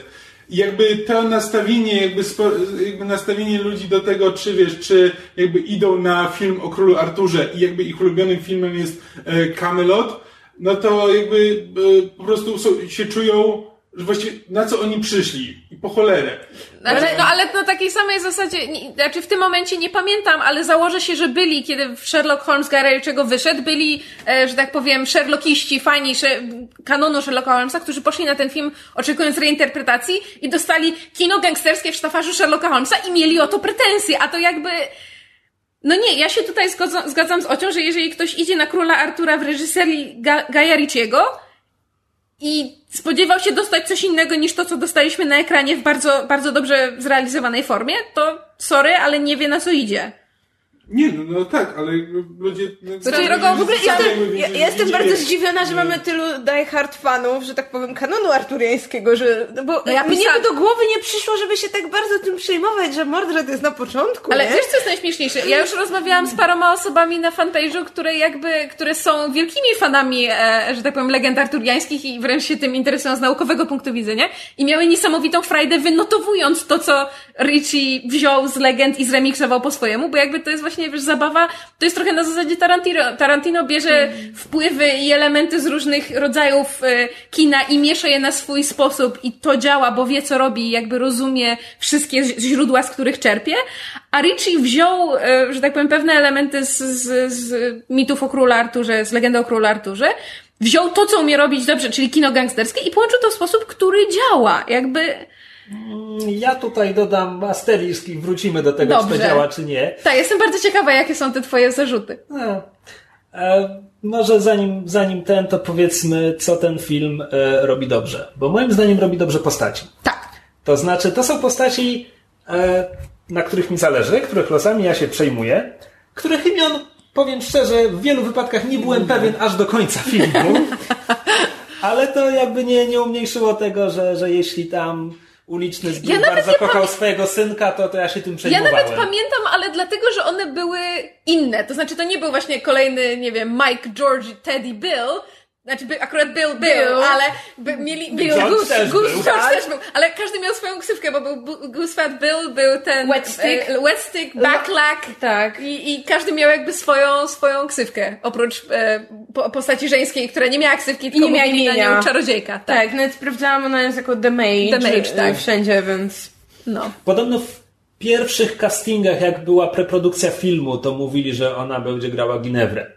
A widzisz, mówiłam to w trakcie seansu. Ciekawe, czy to nie jest Natomiast Ginebra. ja, ja Znaczy- tego nie pamiętam, tylko tak przeczytałem gdzieś tam po fakcie. No jak gdzieś tam przeczytałam, że ogólnie Więc się wycofano się, pomysł. z tego, żeby jakby tak nie określać się, jakby właśnie z myślą o potencjalnych Kolejnych, kolejnych, tak. częściach i jakby moim zdaniem widać w tym filmie, że on jest robiony pod kolejne części Tak, i smutne jest to, że no prawie na pewno ich Prawdopodobnie- nie dostaniemy, A- a tak? z No bo drugiej ten strony- film zarabia po prostu A- grosze. a Z z drugiej strony strony- The Man from Uncle miało też bardzo kiepskie wyniki, a wiemy, że w tym momencie jest pisana Znaczy, dwójka. poza tym y, on miał bardzo kiepskie wyniki jakby... W Stanach. w 38 tam- tam milionów? Całe 40 milionów, ale już na świecie ma kolejne, ma 100.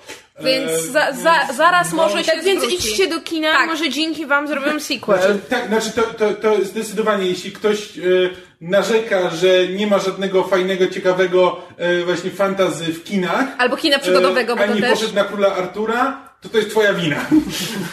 Ale czekaj, bo mówicie, bo mówicie, że film jest ewidentnie zrobiony pod kontynuację, a jak dla mnie to historia bohatera jest jakby, on przechodzi tutaj pełny ark. Znaczy, nie, ale to nie Dla jest tak, to że to jest jakby tak naprawdę. Znaczy ale tak, to jest kompletny film, Jakby, ale...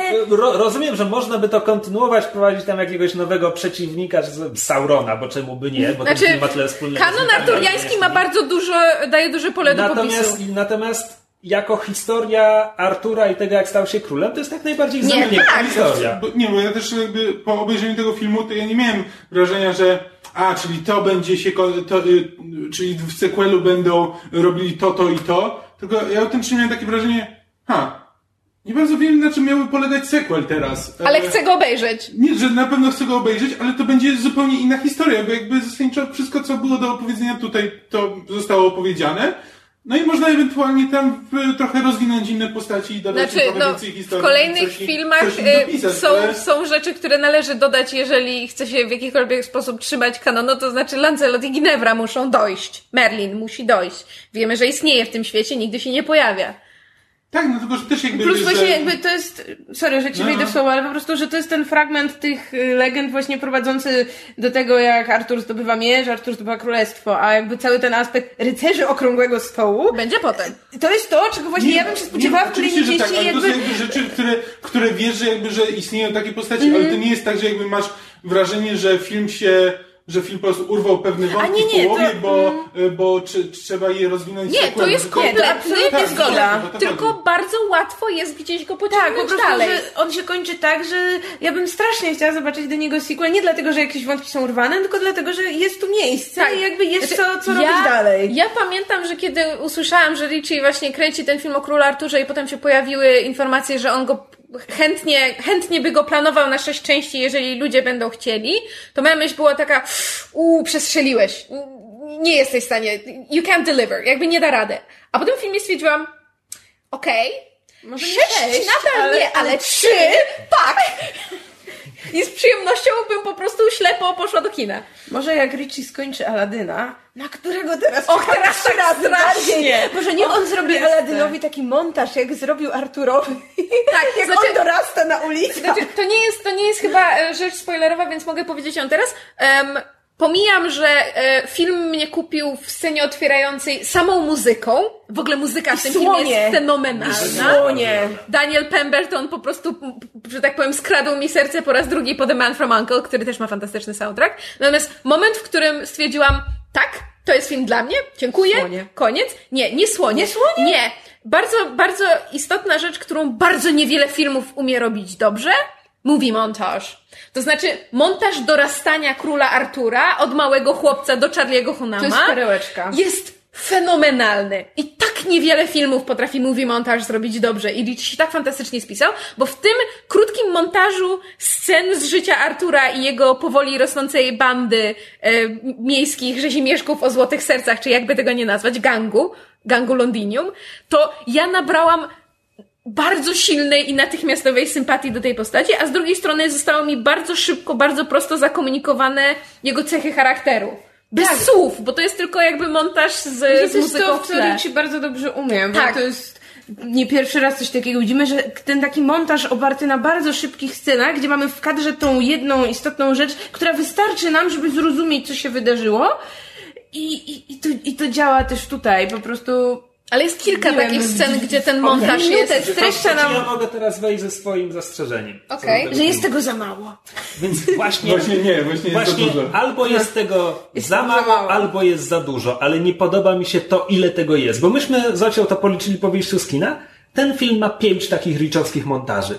I moim zdaniem dwa z nich działają. Jednym z nich jest właśnie dorastanie. Potem jeszcze w środku filmu pojawia się drugi, gdzie Ten też jest bardzo mało dialogów. Ten, który się zaczyna na wyspie. I on ma mało dialogów. Natomiast pozostałe trzy to są takie sceny właśnie z porachunków, gdzie jest mnóstwo tych dialogów. Tak. I to jest właśnie ten moment, kiedy oglądamy ten arturiański przekręt, czy tam A z drugiej porachunki. strony to są te sceny, kiedy nabieramy też sympatii do bohaterów i w nich jest bardzo Czekaj, dużo humoru. Daj, daj mi dokończyć zarzut, zanim Nie! zaczniesz go otwierać. Nie, bo widzisz, ponieważ to jest tylko pięć scen, więc Ja czytałem recenzje, negatywne recenzje, które nazywały ten film, cytuję, frenetic slog, czyli że niby jest taki bardzo szybki, ale jednak jest strasznie nużący, nudny i w ogóle. I ja nie wiedziałem, jaki film ci ludzie obejrzeli, bo tych frenetycznych montaży jest w filmie słownie pięć. I to nie jest tak, że to jest cały Król Artur, cały film jest w stylu Gaja Ritchiego. Nie, bo ten cały film jest w stylu takiego dość typowego, epickiego high fantasy, bardzo dobrego, o Łotrzyku, I- ale i Łotrzyk może być. też. Tak, Łotrzyk może być bohaterem high fantasy i to się świetnie sprawdza.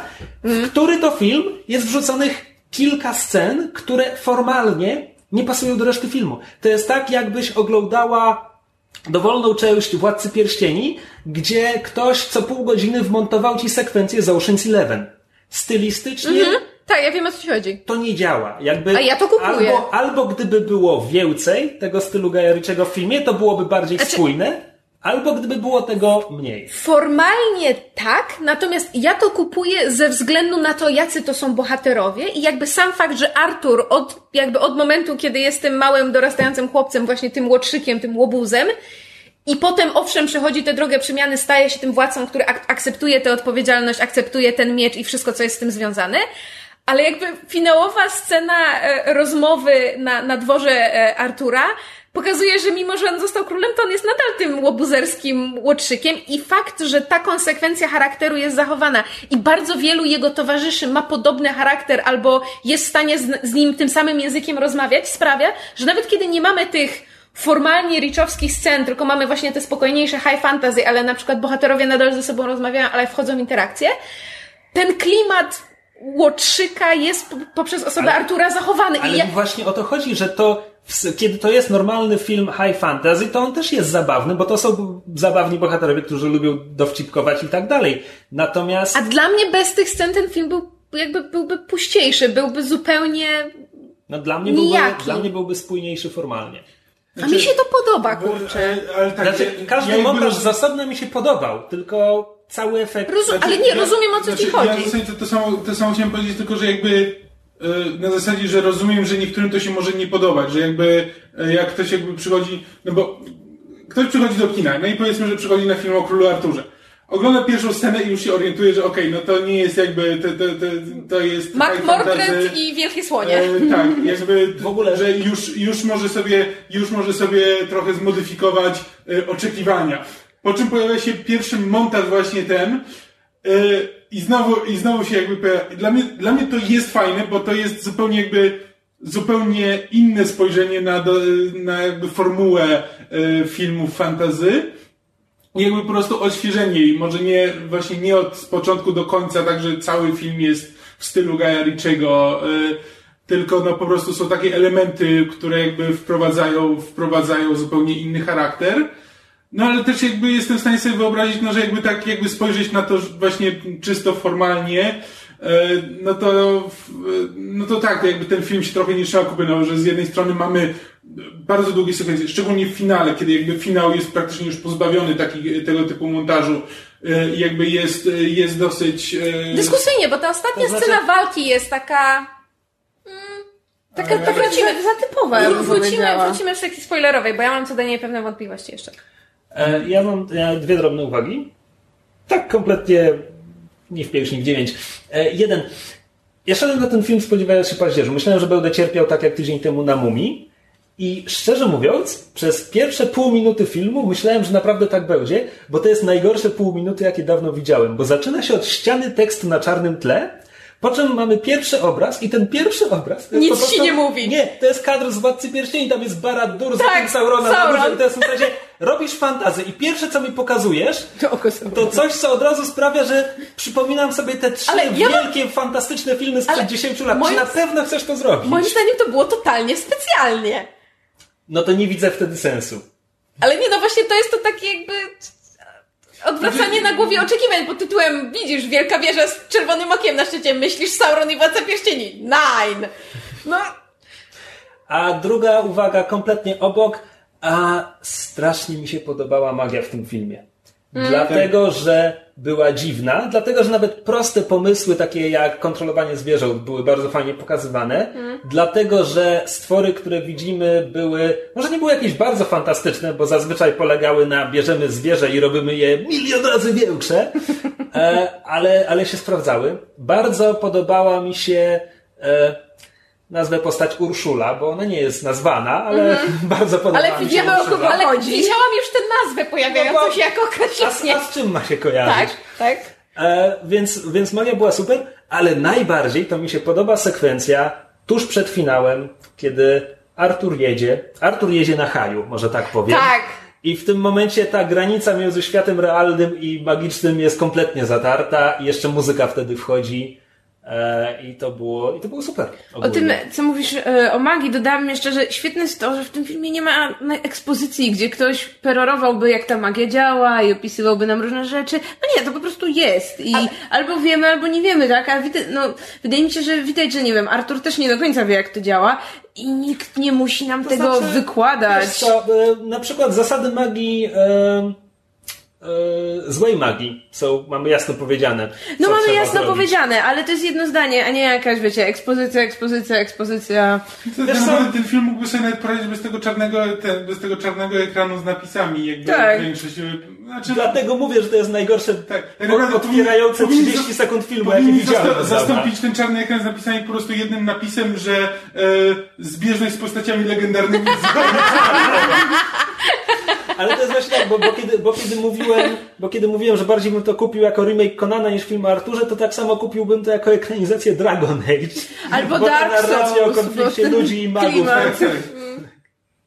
Ale wiesz co, bo tak nawiązując do tego, co mówiłaś o magii, e, ta, tak samo jest na przykład z reprezentacją, dlatego że w, w tym filmie mamy jakby osoby czarnoskóre, osoby azjatyckiego pochodzenia, całą to mieszankę. nazywa się George, tak? I, I ani słowa wytłumaczenia. To znaczy, jakby Guy Ritchie założył pod tytułem tak jest, nikt tego I nie tyle. kwestionuje, tak wygląda ten świat, koniec. I to działa, jakby nikt, nikt nie zadaje sobie tych pytań, bo nie ma sensu.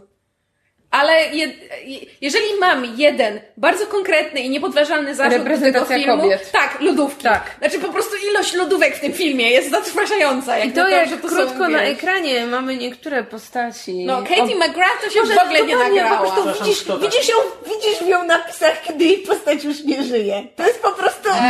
to jak jest- lecą napisy To obsadowe. jest um, gra, Żona gra Juda Law. Vortigerna. Okej, e, to, już, to już wiem. Kto. Tak. Tak, chyba, chyba dawno nie widziałem filmu, który by tak bardzo oblewał test Bechdel. No.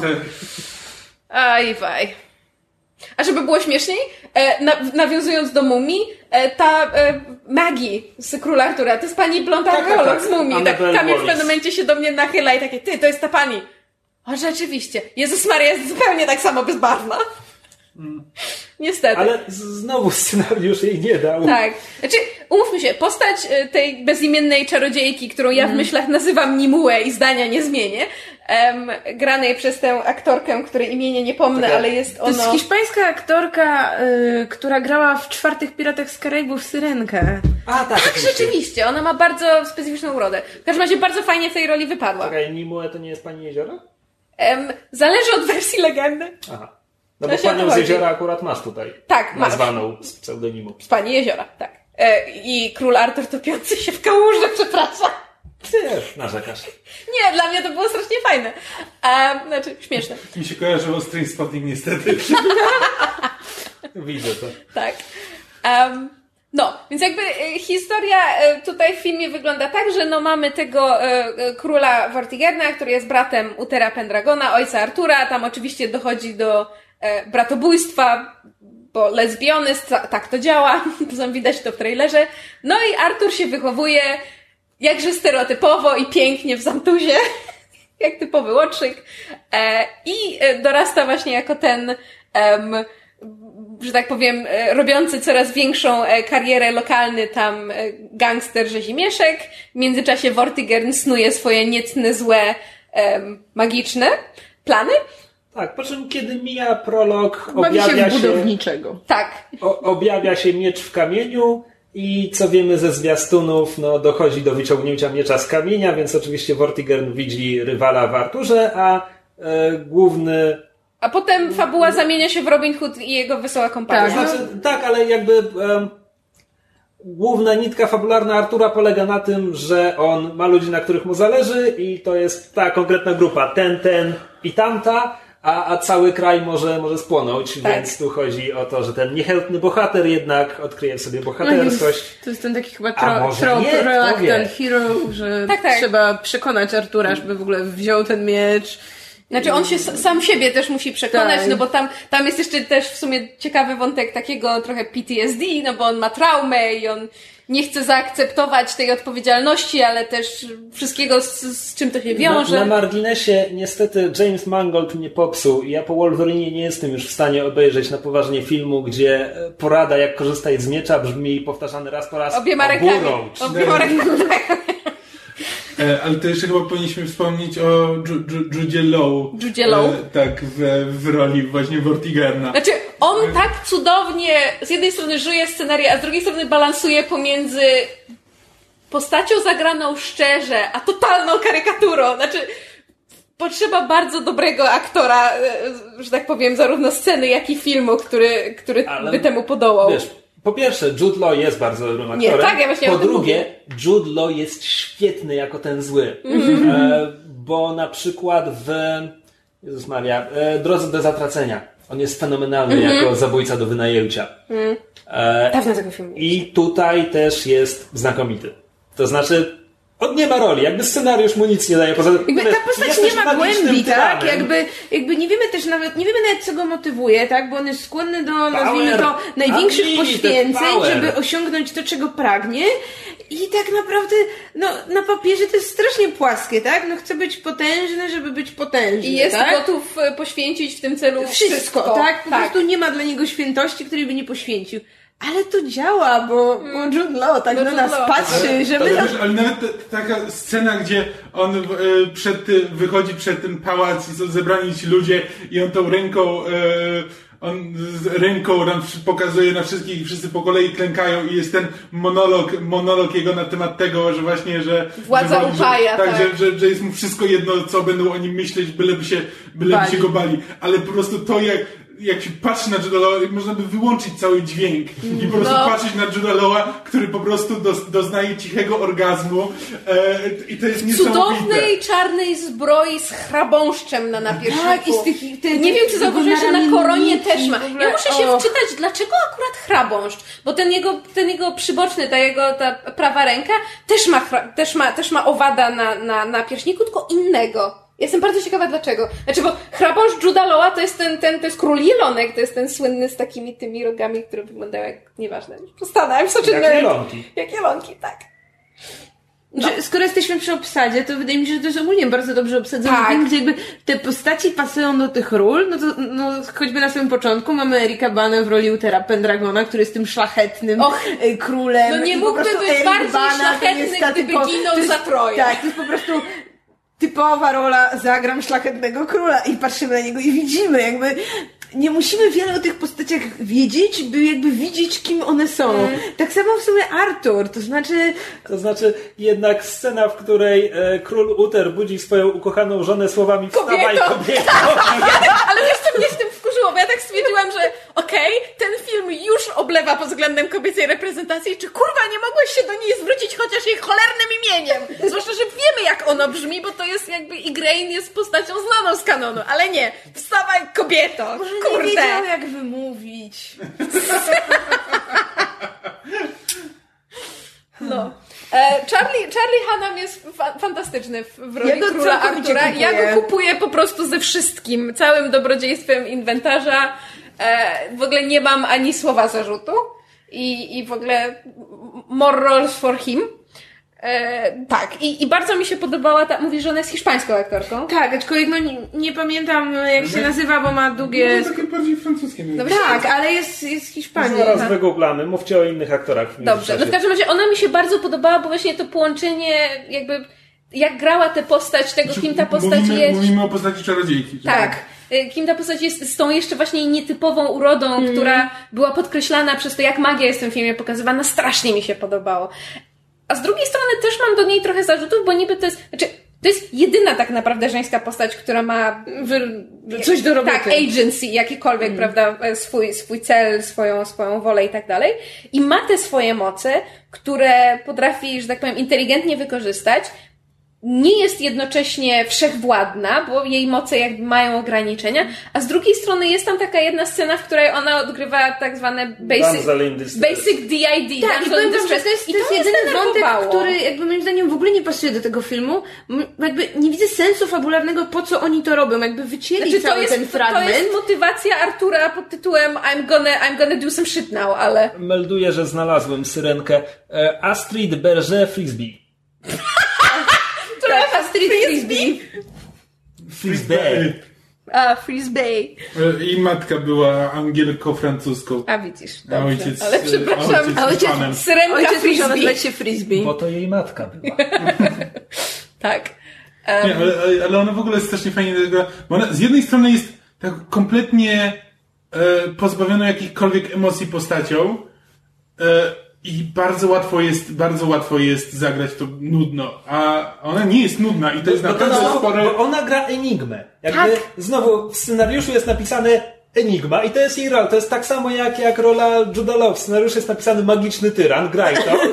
To jest enigma, graj to. I oboje udźwignęli tę rolę, te role. Role, które praktycznie nie są napisane. Mhm. I to jest jednak duże osiągnięcie. Ona po prostu, ona się snuje po ekranie, za każdym razem jak mówi to tak kompletnie bez wyrazu, takim bardzo monotonnym dużo patrzy, głosem, nie? tak. E, ale po prostu, ale ogląda się ją fantastycznie i jakby jest, jest nie- Mhm. Znaczy ma, ma, ma prezencję po Tak. prostu. No, ma I w za sobie to też jak używa magii, też to, też to wygląda fajnie. No to, Znaczy, wiecie co?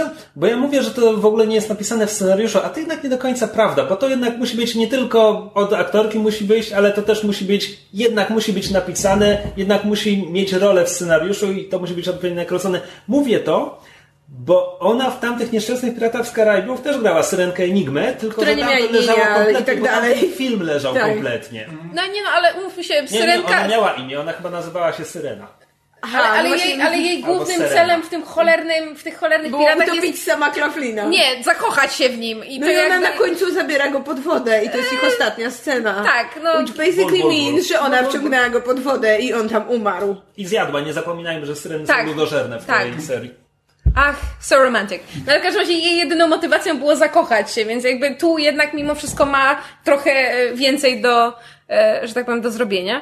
Cała reszta obsady też jest bardzo sympatyczna, tam właśnie... Mamy twarze z gry tak, dwie. jest, e, jest A- A- Aiden Gillen, Tak, E, czy Littlefinger. Littlefinger, który tutaj jest w sumie Littlefingerem light, Bez tylko wąsów. tym pozytywnym, a z kolei dla fanów brytyjskiego serialu Queer as Folk jest to cudowny reunion po latach, dlatego że Aiden Gillen i Charlie Hunnam w brytyjskim Queer as Folk grali parę homoseksualną. No. Dlaczego ty tam wszędzie widzisz gay vibe? To nie jest jedyny powód, dla którego ja wszędzie widzę gay vibe w tym filmie, dlatego że Guy Ritchie bardzo świadomie pisze swoje filmy w taki sposób, żeby było bardzo dużo podtekstów. Jeżeli ktoś widział The Man from Uncle, to wie, jeżeli ktoś widział Króla Artura, to wie. And Okej, it's czekaj. not just me. Nie, czekaj, w Man from Uncle to widziałem, w Arturze tego nie widzę. Jest na co drugim kroku. Jestem ci w stanie... między kim. Myśmy za jakiś czas zaśmiało, myśmy co jakiś czas piszczała so gay, gay! E, ale, ale to było na zasadzie, że ja siedziałem i okej. on, on, nie wiem, podniósł miecz, teraz...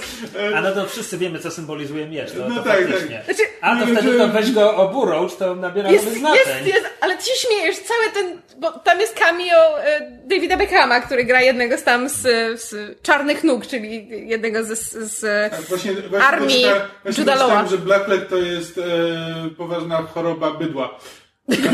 Aha, okej. Em, i, I tam jak właśnie tam postać granat przez Davida Beckhama mówi do króla Artura, że a teraz go obejmij ob, oburącz i tam szarpnij parę razy. Widzę, tak, to, to jakby tak, tam Ale oczywiście. tego typu tekstów jest w tym filmie kilka. Okej, to był jedyny, na który zwróciłem uwagę. No więc pójdę drugi raz, Ja, wynotuję. ja jak słucham za każdym razem, jak mysz, jak mysz coś, to, to tak dla mnie jest taką 60% skutecznością, jakby jak, jak mysz mówiła, że to jest, że to jest gejowski podtekst, to, to mniej więcej w 60% przypadków rzeczywiście to widziałem, a w pozostałych 40 to tak a może? Mam bujną wyobraźnię. Tak. Em, e, tak, bo mamy Aidena Gillena i, I mamy... mamy aktora, którego Rosa nazwiska nie... Boltona. Tak, Ross Tak. Bolton z Gry o Tron też tam gra. Niestety strasznie krótko, jakby, jakby jego wątek jest tak mega ucięty i ja nie wiem, zapomniano o nim i później... On ma dwie sceny, a potem myślisz sobie, on powinien jeszcze wrócić, Tak. ale on nie wraca. On by mógł wrócić na końcu, jako on- ten, ten, ten szef straży mógłby wrócić, czy Właśnie, cokolwiek. po No, no wróćmy w spoilerach, ale on miał, on, on miał ten dobry moment, żeby wrócić i, i to mogłoby przy- parę fajnych Hmm. No rzeczy, i jest, ale no jest też Digimon Honsu. Em, Z tak, pojawiający się po raz drugi w, w tym odcinku. I jest też w malutkiej roli Freddy Fox. Przepraszam, kto? Freddy Fox. On gra tego chłopaka, co myślałeś, że to jest Percival, a to był Rubio, a Okej. Percival to był ten starszy Dobra, ale kim jest Freddy Fox? Takim brytyjskim aktorem, którego myśmy mieli przyjemność poznać w Londynie, jak byliśmy na spektaklu, bo zastępował Richarda Maddena w Romeo i Julii. A, to on! Okej, dobra, już wiem. No. Robi No, wrażenie, wow, jak ty, mi rozumiem. ty mi mówisz wow, ale w kinie się zastanawialiśmy skąd my go znamy. Tak, a więc... potem wróciłam, sprawdziłam i No tak, skojarzyłam. więc czemu mi mówisz wow? No ale wiedziałam, że go znam. Bez włosów wygląda inaczej. Ja też wiedziałem, że go znam.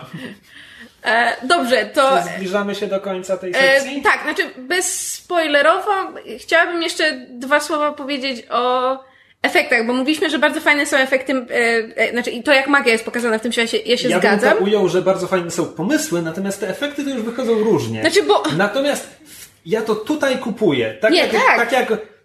Dlatego, że to jest fantazy, to po pierwsze, ale też jakby jak, jak Wonder Woman ma te złe efekty w czasie I wojny światowej, to mi się realizm I wojny światowej ze złymi efektami bardzo kłóci, a tu jak wiem, że oglądam zasadniczo baśń, to mi to tak bardzo nie przeszkadza. Znaczy, mi to nie- tak Aczkolwiek, aczkolwiek ten orzełek to mógłby się zakolegować z naszym złotym smokiem. Nie, no aż tak. Orzełek miał parę scen Paru scenach, szczególnie tam pod koniec, on strasznie dziwnie wyglądał. Jak, jak nie miał, jak było Mr. DeMille, I'm ready for my close-up dla, dla orzełka, to, to było nie, źle. nie zwróciłam uwagi, natomiast em, mi też to nie przeszkadzało, natomiast bawi mnie to, jak bardzo, zwłaszcza finałowa e, sekwencja wygląda jak cutscenka z gry. Ta, oj, bardzo. Tak, tak. To jest po prostu, to jest Dragon To jest Age, albo coś takiego. Ale wiesz co, tej, tej poetyki gry komputerowej jest tutaj trochę więcej. Znaczy, bo ona jest od samego początku, więc ale, ale wiesz co, też nawet sposób przedstawiania, co właściwie e, daje swojemu posiadaczowi Excalibur, to to jest moc specjalna To, z gry to jest po prostu pasek, pasek, który się napełnia z każdym kilem i po prostu na koniec aktywujesz umiejętność specjalną. Tak. E, Nie, tak, więc jakby mi to nie przeszkadza, ja to kupuję, tylko zwłaszcza ta finałowa sekwencja sprawiła, że stwierdziłam, a to teraz pora na cutscenkę. Okej, to mogę wyłączyć myślenie. Co okazało się błędem i o tym zaraz w sekcji spoilerowej, bo ja nie wiem, czy ja zrozumiałam.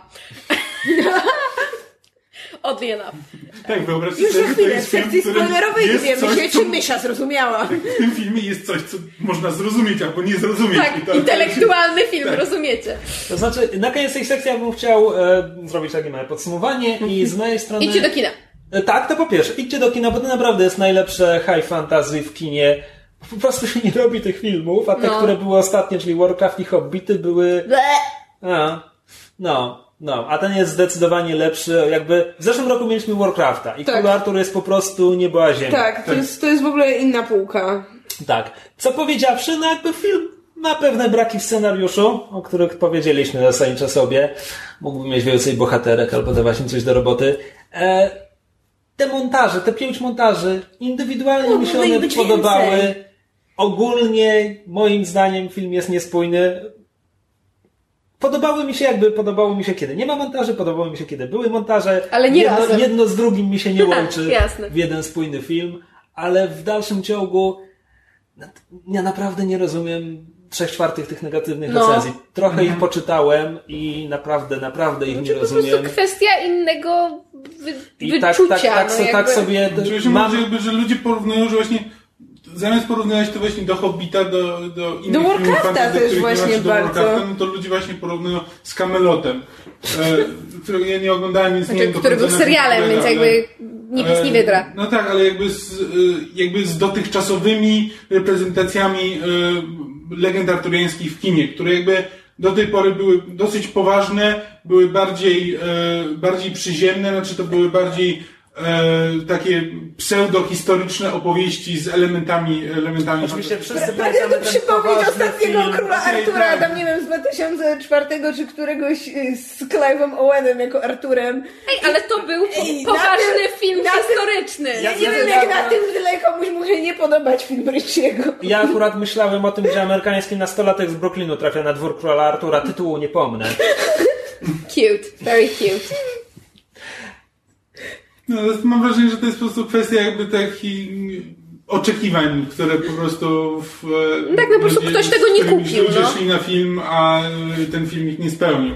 W każdym razie, no ja, ja mam nadzieję, że jakby naj, najmniejsze na co ten film zasługuje, to to, że stanie się kultowy dla ludzi, którzy lubią tego typu kino. Jak obłędny I- rycerz swego i- czasu. E, No ja myślałem bardziej o Konanie na przykład, który nie jest żadnym arcydziełem, ale jakby jako film fantazy jest świetny. E, I, I warto go pamiętać i liczę, że Król Artur czego też będzie pamiętany, bo na sequele nie liczę.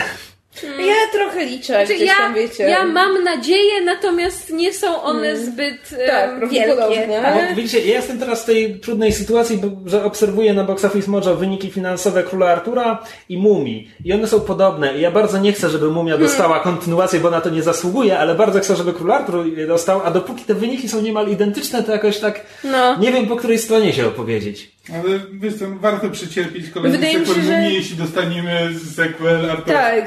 No, znaczy, jeśli Mumia nie dostanie sequela i to będzie któreś z kolei podejście do rozpoczęcia uniwersum przez Universal, to to już będzie, słuchajcie, no śmieszne, no. Jakby, No.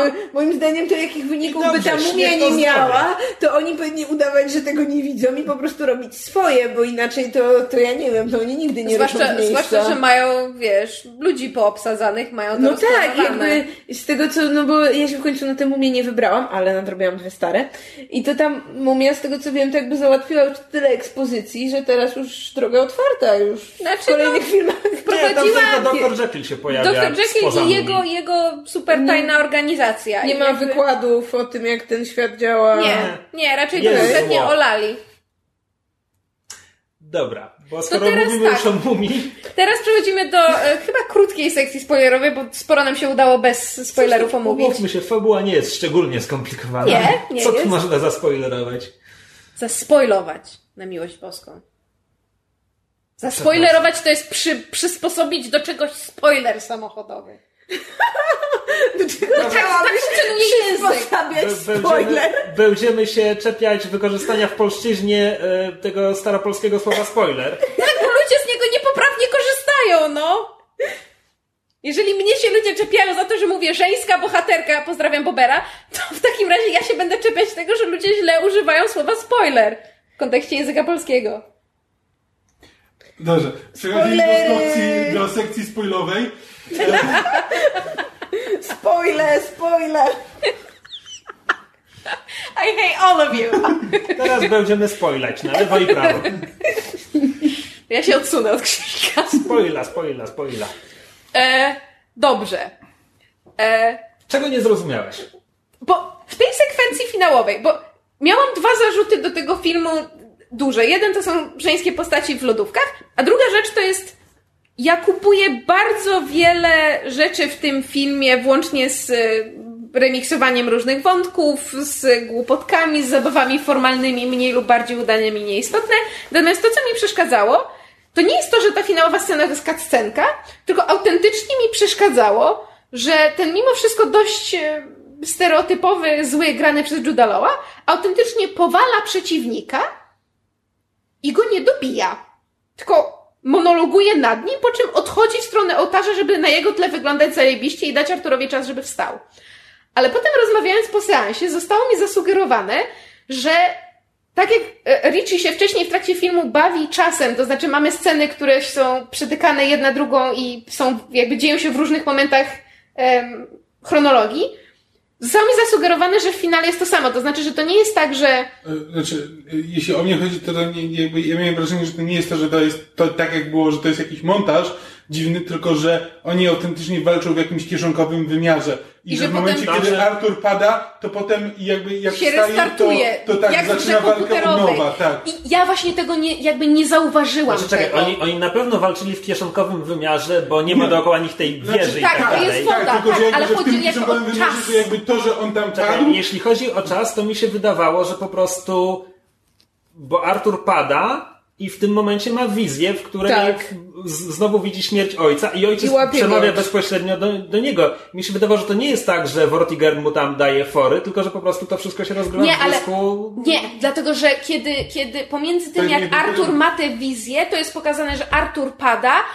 Oni się bili na środku pomieszczenia. Artur pada, Vortigern zaczyna iść w stronę ołtarza. Widzimy, jak go mija. On do niego mówi na zasadzie coś tam wygrałem z tobą, whatever.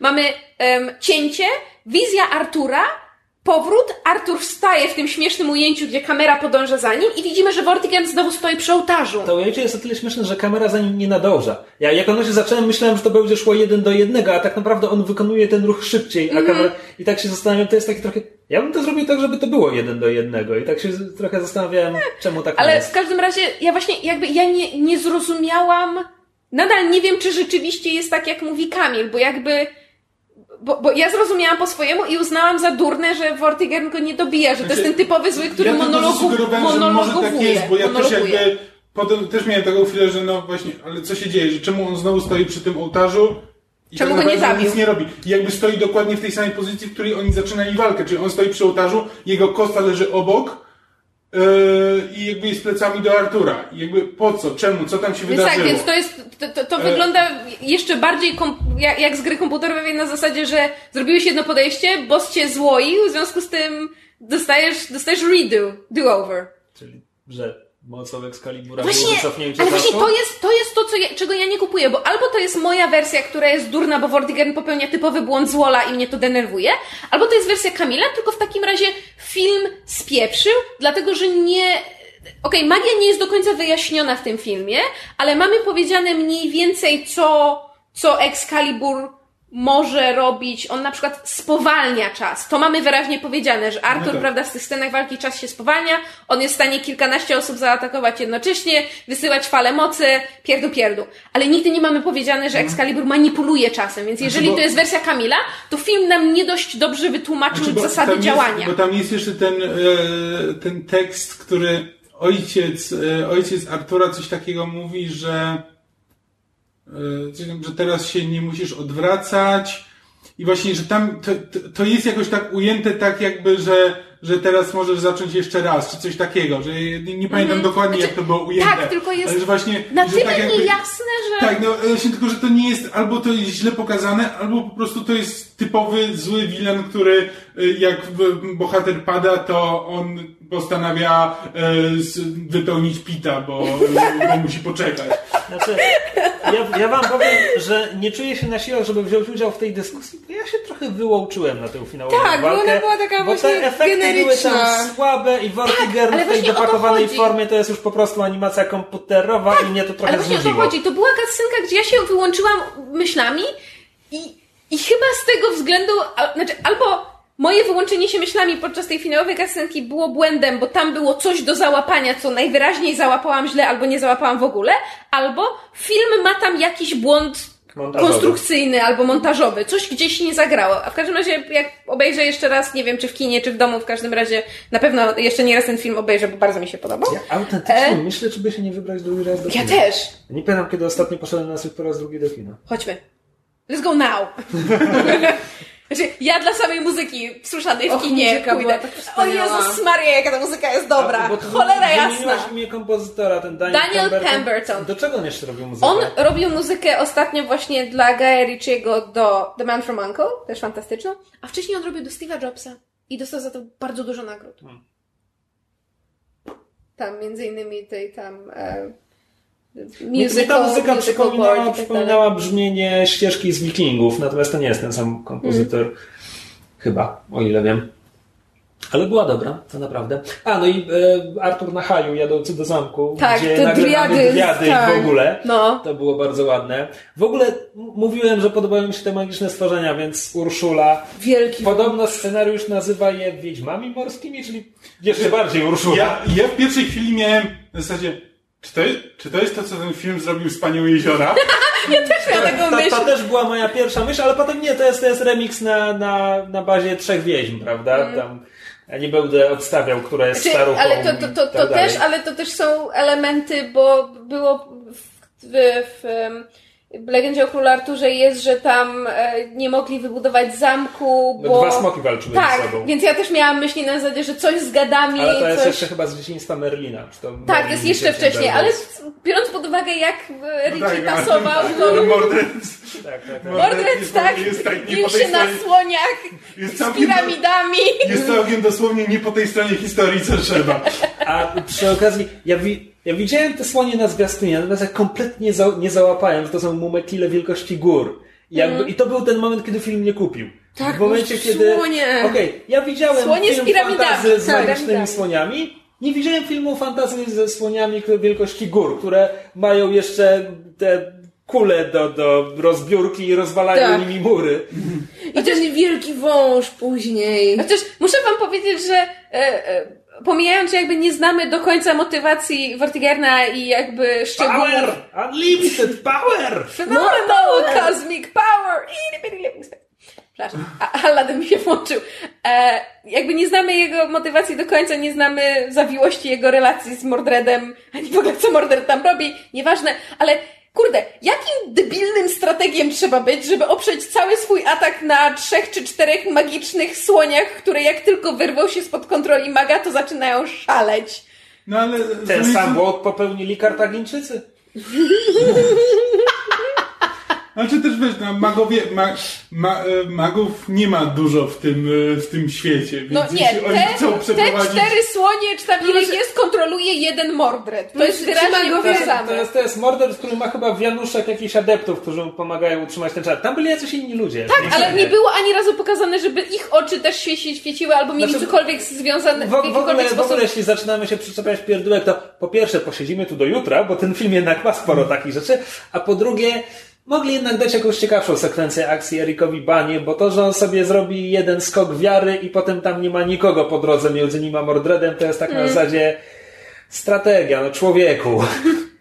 Aczkolwiek nie żywiałam się tego, że Mordred opiera swoje ataki na słoniach, bo jakby z tego co widzimy tu o magach, to oni nie dysponują nie wiadomo jakimi mocami. Jakby to nie jest tak, że oprócz kontrolowania zwierząt to oni Tak, nie no wiadomo oni są- ile jeszcze oni potrafią. głównie Więc wargami. hej, jeśli mielibyśmy postawić na jakieś wielkie zwierzęta niszczące zamki, no to... Nie tak, tylko jakby on tam... Słoń is your oni, best oni, choice. oni skądś mają tych ludzi, więc powinni mieć też jakieś na przykład wojska, że tak powiem, armię lądową. No to on miał tę armię na tych słoniach i oni Tak, jakby robili to błąd, z tych to słoni. jest błąd strategiczny, to jest bardzo złe myślenie, Ja no. chciałbym wrócić do przedstawiania magii w filmie, bo bardzo mi się podobał pomysł tego alternatywnego świata, tych krain cienia, do których przenosisz się przez Krogman Heroów i tak dalej. To było bardzo ładne. Ale też y, Em, dłuższą chwilę mi Znaczy zajęło to- zorientowanie się, że na przykład efekt tego e, kontrolowania zwierząt to nie było tylko to, że oni pokazywali, że jej oczy zachodzą tam kolorem. Nie, każdy był inny i zależny od tego, jakie No zwierzę. tak, to tak, widać w no scenie, kiedy ona się tak przeskakuje właśnie między orłem a wężem. zwierzęcia, Tak, tak to są jakby. oczy zwierzęcia.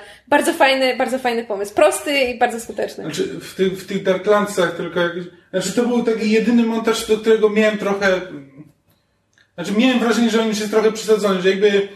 Że albo by fajnie było zobaczyć jakby całą tą, całą Wiesz tą co, podróż, ja albo przynajmniej tym- powinny być jakieś inne sceny w, tych, w, tych, w tym montażu, znaczy coś, żeby, żebyśmy zobaczyli, jaką drogę przebył Artur, nie tylko to, że się Wiesz co? umęczył, ale też, że czegoś się tam może nauczył. Dla, y, w pierwszej chwili pomyślałem tak samo, ale ostatecznie to jest dla mnie ten drugi z pięciu montaży, które dla mnie działają w tym filmie. Dorastanie Artura i Darklandsy, bo jak to oglądałem, to tak sobie myślałem, okej, czekaj, no mamy montaż i on wychodzi z Darklandsów i on już jest przekonany, że faktycznie musi zostać tym królem i poprowadzić ich do walki, tak sobie pomyślałem, czekaj, czy właśnie cały rozwój postaci został sprowadzony do montażu, ale potem się przekonujemy, że, że wcale Że nie, nie, że to był tak. tylko tak naprawdę pierwszy jego krok na tej drodze. Znaczy, to było, żeby on zaczął korzystać z tego miecza. Bardziej. Może. Tak, spróbował. ale jego rozwój tak osobisty jeszcze jako tego nie umie. Tak. idzie potem, idzie potem dalej i to Tak, no, o co właściwie walczy czarodziejka jest się potem... go potem pyta, że czy odwróciłeś wzrok. No jakby wiemy, że tak, że on mając tę wizję w Darklandsach,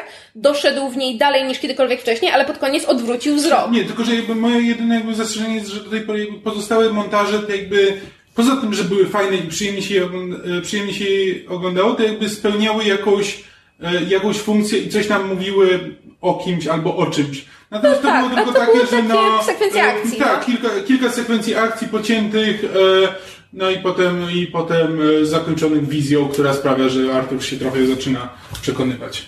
Musimy, e, musimy rozstrzygnąć pewną istotną kwestię. W montażu w Darklandsach e, pojawiają się zdumiewająco wielkie szkodniki. Czy, czy to jest nawiązanie do... do... Princess Bride Znaczy, to było nasze Na chwili, na chwili mam się skojarzenie do kamery i od razu. powiedziałam, oh look, it's our RMUSs, that's adorable.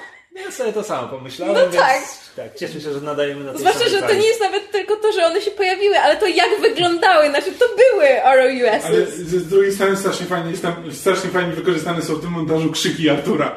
E, on, on tam, Nie zwróciłem uwagi. znaczy ten, ten autentycznie on tam w paru momentach, w paru momentach krzyczy, te krzyki zlewają się z muzyką e, i jeszcze jakby tworzą taki rytm sam w sobie. Szczeg- Szczególnie, szczególnie jak go tam te, te wielkie nietoperze przerzucają między tak. sobą. To jest taki po prostu, te jego, te jego krzyki po prostu mają, mają własny rytm. To jest bardzo fajne. Słuchajcie, skoro jesteśmy przy montażach, bo jest jeden, który budzi moją wątpliwość. A to jest ten, kiedy oni się szykują na spotkanie z baronami. A Artur zaczyna mówić, że słuchaj, to tak nie wyjdzie. I tam już mi się po prostu warstwy czasu Tak, tam jest jakiś nie zgadzają. Czy, czy ja mam rozumieć, że to spotkanie z baronami się nie odbyło i to, co widzimy w, w montażu, to jest tylko jakby wyobrażenie, jak to będzie wyglądało? Bo to trochę wygląda tak, jakby Artur siedział na spotkaniu w jaskini i mówił, pewnie chcesz, żebym się z nimi po- spotkał, ja ci powiem, jak to będzie wyglądało i potem mówi, to nie wyjdzie i widzimy, jak to spotkanie nie wychodzi, ale potem kontynuacja tego, co tak naprawdę mają zrobić, jest jakby kontynuacją tego spotkania z baronami? Tak, I to jest na jest zasadzie, moim taki zdaniem, leci. Artur, Artur powiedział im, że to nie wyjdzie i zamiast tego powinni zrobić to, ale potem oni i tak zrobili tamto i on dopiero potem powtórzył, co mają zrobić. Co? No się... hmm, Coś tam, Tak, ja też coś tej- przesadzili. Też tej sceny nie zrozumiałem. Tak, to jest, Znaczy ja rozumiem tak, że to się jakby dzie- dzieje jakby jedno najpierw rozmawiali, potem było spotkanie, tylko po prostu to jest tak przemontowane, żeby to całe spotkanie wsadzić w Tylko, to, jak on o wtedy- tym mówi. Tylko, że wtedy logika ci nie działa, bo, bo ta, to spotkanie, które jest do tego klamrą, Artur mówi, że nie ma sensu tego robić, bo to nie wyjdzie. Więc to, potem poszli i to zrobili? No jakby, no nie. Coś tam. No, ale coś... ci baronowie potem nie mieli żadnej roli, więc... Nie, ja, ja w ogóle wnioskowałam, że oni się z nimi nie spotkali, tylko po prostu jest formalne Znaczy, że- przeniesienie lokacji. For Tak, szczególnie, że reasons. jakby scena się kończy tym, że oni są wciąż w lesie i jakby stwierdzają, że to chodźmy coś zjeść. I, i odchodzą.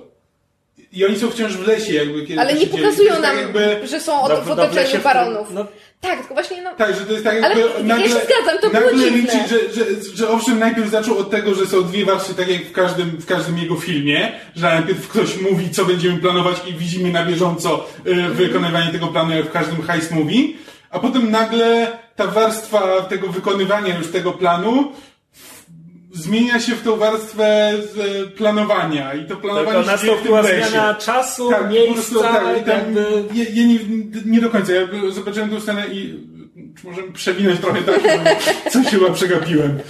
no. U, wiecie co bym obejrzała? Rock'n'rolle bym obejrzała. U. I wszystkie filmy Rishiego. God damn it, nie mam na to czasu. Teraz mam straszną ochotę zrobić sobie Znaczy powtórkę. ja nie będę, pamiętam, że widziałem Rock'n'Roll, ale pamiętam tylko jakby wrażenie, ale wrażenie było takie, że Ja miałam Dla bardzo, mnie- bardzo miłe Dla, wrażenie. dla mnie Richie jest bardzo um, hit and miss, jak mawiał Mikołaj Ray. Y, Niektóre filmy jego bardzo lubię, niektóre mocno Ja nie wszystkie jeszcze widziałam. Ja najbardziej chyba porachunki z, z, tych, z tych gangsterskich. No ja- to jest Lock, Stock and Two Tak, Tak, tak. tak, tak, tak. No dla mnie przekręt, ale z drugiej strony widziałem go ostatni raz pewnie naście lat temu. Właśnie więc... mnie przekręt jakoś nie kupił wtedy. Nie wiem czemu. Może z kolei ja za wcześnie go wiedziałam, ale... Może trzeba zrobić jakąś retrospektywę, obejrzeć ten, obejrzeć wszystko i omówić. Ja bardzo pierwszego Sherlocka lubię. No po pierwsze Sherlock jest spoko. Ja o, bardzo drugim drugiego nie, nie lubię. o drugim nie mówimy. Ja drugiego prawie nie pamiętam jakoś. Nie dziwota. Tam Dobrze. Wszystko, wszystko się kręciło wokół jakiegoś wiktoriańskiego Wi-Fi, czy, czy, jakiegoś takiego. Dobrze, słuchajcie, bo Nie, już... nie, to w pierwszym. W pierwszym pojawia się wiktoriańskie Wi-Fi. Tak, na koniec pierwszego A. okazuje się, że wszystko było tylko wybiegiem po to, żeby Moriarty mógł ukraść wiktoriański y, prototyp radia, który potem zupełnie nie wraca w drugim filmie. Okej. Dobrze, słuchajcie, bo zrobiliśmy e, off-topic. Myślę, że to już e, tyle, jeśli chodzi o spoilerowe omówienie. Chciałam powiedzieć Władcy Pierścieni, wow. Króla Artura. E, e, tak, I teraz wracamy do sekcji bezspoilerowej. Mm, oczywiście. Perpetuum mobile. Podcast nieskończony. Never ending podcast. Ja nieważne. Kończmy już, bo mi odbija. jest Neverending Story. Tak, by the way, bo postanowiłam, Aha. że chyba sobie kiedyś obejrzę. Dobrze. To jest, to jest zasadniczo koniec, ale nie tak naprawdę, bo, za, bo jeszcze będziecie mieli drugi odcinek e, z, poświęcony tylko i wyłącznie Newsom z Z3. Tak, i ja w tym czasie pójdę pracować. W sensie nie newsom, ale tak... Nieważne. A, Dobrze, słuchajcie, naprawdę, to tyle już od nas w tym tygodniu. Dziękujemy Wam bardzo za uwagę. Jeszcze raz serdecznie zachęcamy, żebyście się wybrali do kina na Króla Artura. Dajmy temu filmowi Tak, zarobić. rzucajcie hejsami. Rzucajcie, w tak, w Gaja Riciego, bo, No, bo chcemy bilet. dostać więcej. Jak nie możecie iść do kina, to kupcie bilet i nie idźcie Tak, do kina. myśmy ale- kupili Weź. przez przypadek bilet dla mojego taty, który ostatecznie z nami nie poszedł, więc obowiązek został spełniony. Jestem, cie- słuchajcie, bo jestem ciekawa, jak tak naprawdę liczą się wpływy z naszych kart, bo moglibyśmy zakupować bilety na ten film codziennie i na Właśnie- niego nie chodzić. Właśnie nie wiem do końca, jak to działa. Miało pomóc. E, możemy spróbować, czemu nie? Zero złotych, nic nie tracę. E, tak, to tyle od nas w tym tygodniu. Dziękujemy bardzo Oci za e, jakże miły, e, miłą tutaj obecność i udział w nagraniu. E, dzięki Wam za uwagę i do usłyszenia w przyszłym tygodniu. Jeżeli chcecie do nas napisać, e, powiedzieć co Wy myślicie, zadać jakieś pytania, to możecie nas szukać na social media. Mamy fanpage na Facebooku, możecie nas znaleźć na Myszmasz Podcast gmail.com. gmail.com albo Tam na, możecie do nas napisać. Tak. Znaleźć nas możecie gdzie na... na myszmasz.pl Właśnie. gdzie możecie nam zostawiać komentarze pod odcinkami, co nas bardzo cieszy. i wchodzimy w interakcję z czytelnikami i, i, i w ogóle można z nami pogadać i jest bardzo miło, do czego zachęcamy, bo podcast bez komentarzy istnieje w próżni. E, tak, i możecie też, też nas wesprzeć na Patronite, jeżeli macie takie pragnienie. E, wszystkie pieniążki idą na rozwój podcastu, który polega na tym, że myślimy długo nad tym, na co przeznaczyć pieniążki na rozwój podcastu. Jeszcze nie wymyśliliśmy. Za 10 lat zobaczycie ogromne słonie z piramidami na Tak, dokładnie. Wybudujemy To będą, ogromną to będą wieżę. te pieniądze z podcastu. Ogromną wieżę wybudujemy u nas w ogródku. E, tak, i to już naprawdę koniec. E, dziękujemy Wam bardzo i do przyszłego tygodnia. A jeśli do nas napiszecie, Będziemy szczęśliwi jak wielki słoń z piramidą. Tere! Vem, gritas.